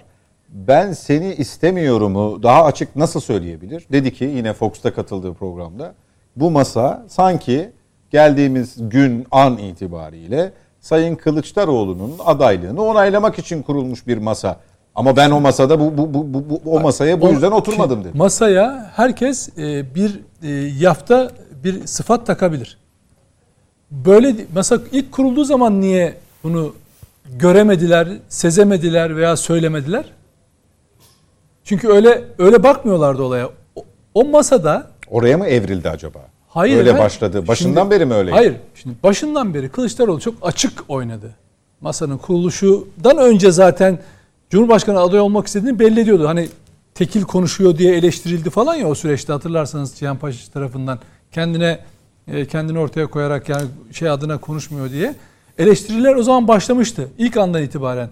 Ama o onun için değil. Bakın Kılıçdaroğlu masada anlaşmayla çıkacak bir aday dışarıdan da olur. Her kapıyı açık bıraktı ama kendi adaylığı konusunda da uğraştı. Belli bir noktaya getirdi. Peki Meral Akşener de oturup e, durumu seyretti mi? Hayır. CHP'nin iki belediye başkanını, bakın CHP'nin iki belediye başkanını koz olarak öne sürdü sürekli. Peki Ve- bu ilkten de niyeti bu muydu? Şeyin mi? Ee, e, Akş- Sayın Akşener'in? Şimdi zaten şunu görüyorsunuz. Tartışmalar öyle bir noktaya geldi ki biz İmamoğlu'nun Kılıçdaroğlu tarafından e, ortak aday yapıldığını ve böylece işte o ittifakla İstanbul Büyükşehir, Belediye Başkanlığı'nı aldığını düşünüyoruz. Öyle biliyoruz. Ama Akşener dedi ki hayır bu proje bana ait dedi. Yani o projenin Cumhurbaşkanlığında tutacağını ve o kişinin de Cumhurbaşkanlığında tutacağını isim isim söylediler. Sahaya gidiyoruz Mansur Yavaş çıkıyor dediler. Sahaya gidiyoruz İmamoğlu çıkıyor dediler. Ya bir öbür taraftan bunları tamam bunları yükselttin. Öbür taraftan Kılıçdaroğlu'nun Alevi olmasına hakaret ettiler.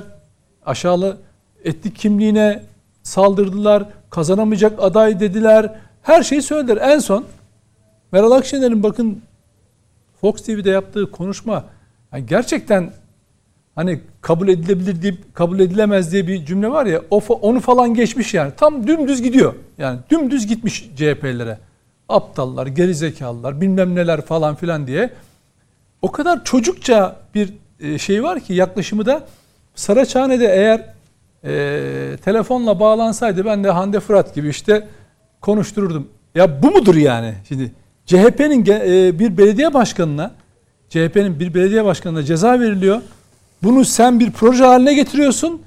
O partinin genel başkanı da Almanya'dan telefonla bağlanacakmış. Ya hayır şunu yapamaz mıydınız? Strate- diyor ki stratejik akıl onlarda yok diyor. Bir gün sonra ertele. Nitekim bir gün sonra bütün parti liderleri zaten yan yana geldiniz. Ama senin oradaki niyetin farklıydı. Bu da biliniyordu. Kaldı ki diyor ki oradaki stratejik akıl yoksunluğundan bahsediyor. Kılıçdaroğlu'nun te- yanında olanlardan. E peki Kılıçdaroğlu'nun bir yardımcı grubu da o, o gün İmamoğlu'nun ceza aldığı gün o otobüsün içindeydi. Onlara mikrofon uzatsaydınız. Yani hani Çünkü ders O gün şu. orada hiçbir şekilde CHP yoktu. Efendim? CHP yoktu. Vardı. Seyit, Seyit Hayır, hayır. Ha, onun yarattığı imaj. Tabii. E, tabii. Şimdi hatta Demokrat Parti'den e, Engin Yurt da ya bize de söz hakkı vermediler. Biz de oradaydık ittifak şeyi olarak. Diğer partilerden de varmış. E, Tabii, Gelecek Partisi'ne falan var. Onları tabii tabii onları çıkartın. Onları çıkartın. Mesela Davutoğlu'na ulaşabildim demişti galiba. Onu da davet edin. Onları da çıkartın. Şey otobüsün üzerine niyetiniz bu kadar halisse hayır. O kendi e, Cumhurbaşkanı adayı olarak tam o konjonktürü bir daha ısıtıp hani adaylık ihtimali zayıflamış olan İmamoğlu'nu parlatma çabasıydı. Bunu bakın CHP'nin stratejik aklı okuyabiliyor. Bu kadar da boşa sarmasınlar. Kılıçdaroğlu'nun olayı nereye evrildiğini okuyup gelip ertesi gün e, toplantıya katılması bu aklı gösteriyor. Çünkü Kılıçdaroğlu baştan itibaren diyor ki sen kardeşim İBB başkanı olarak görevini yap. Bu dakikadan sonra bakın adaylığı neden şimdi İstanbul'da bir beklenen deprem var. Allah hepimizi korusun. E, fe- e, burada e, ortaya çıkacak tablo bunun kat kat üzerinde Maraş e, merkezi depremlerin kat kat üzerinde olacağı tahminleri yapılıyor. Bina sayısı ve kayıplar bakımından, ekonomik ve ulusal güvenlik riski bakımından. Şimdi insanlar bu, bu dakikadan sonra İmamoğlu'na Cumhurbaşkanlığı adayı olsa sen kardeşim İstanbul'da kaç bina yaptırdın diye sorsalar sen ne yaptın da Cumhurbaşkanlığı istiyorsun dediğinde biter. Yani onun adaylığı siyaseten de tükenmiş durumda. CHP'nin istememesi bir yana artık şey siyaseten de tükenmiş durumda. Yapabileceği bir şey varsa İBB Başkanı olarak e, kentsel dönüşümlere destek verip kentin ayakta durmasını sağlamak olacaktır. Dolayısıyla Kılıçdaroğlu tekrar o stratejik aklını kullanarak kendisini e, Cumhurbaşkanı adayı olarak konumlandırdı. CHP'nin adayı olarak. Muhtemeldir ki artık burada e, e, e, Akşener'in itiraz edecek bir noktası kalmadı. Çünkü e, Altılı Masa'nın dışından PKK'nın siyasi kolu HDP de e, ona çok yakın. Kılıçdaroğlu ismine çok yakın ki e, Selahattin Demirtaş'ın attığı son tweetleri biliyorsunuz. Dolayısıyla buna itiraz edecek hali kalmadı. Ya da hakikaten e, pek görünmek istemediği bir fotoğraf verecek, masaya dağıtan kişi olacak. Tekrar bir önceki seçimde olduğu gibi kendi adaylığıyla, Kılıçdaroğlu CHP adaylığıyla e, şeye gidecek. Kazanır, şey olursa, ikinci tura kalırsa da muhalefet bloğu onu destekleyecek diye düşünüyorum ben. Peki. Çok teşekkür ediyorum. Sağ olun. Mete Yarar, Nedim Şener ve Hulki Bey e, sizi çok yormak istemediğimiz İyi bir geceler, programın daha sonuna geldik. E, sağ olun. E, yeniden görüşmek üzere diyelim. Ankara'ya selamlar İstanbul'dan. Önümüzdeki hafta Net Bakış'ta yeniden birlikte olmayı umuyoruz efendim. Hoşçakalın, iyi geceler.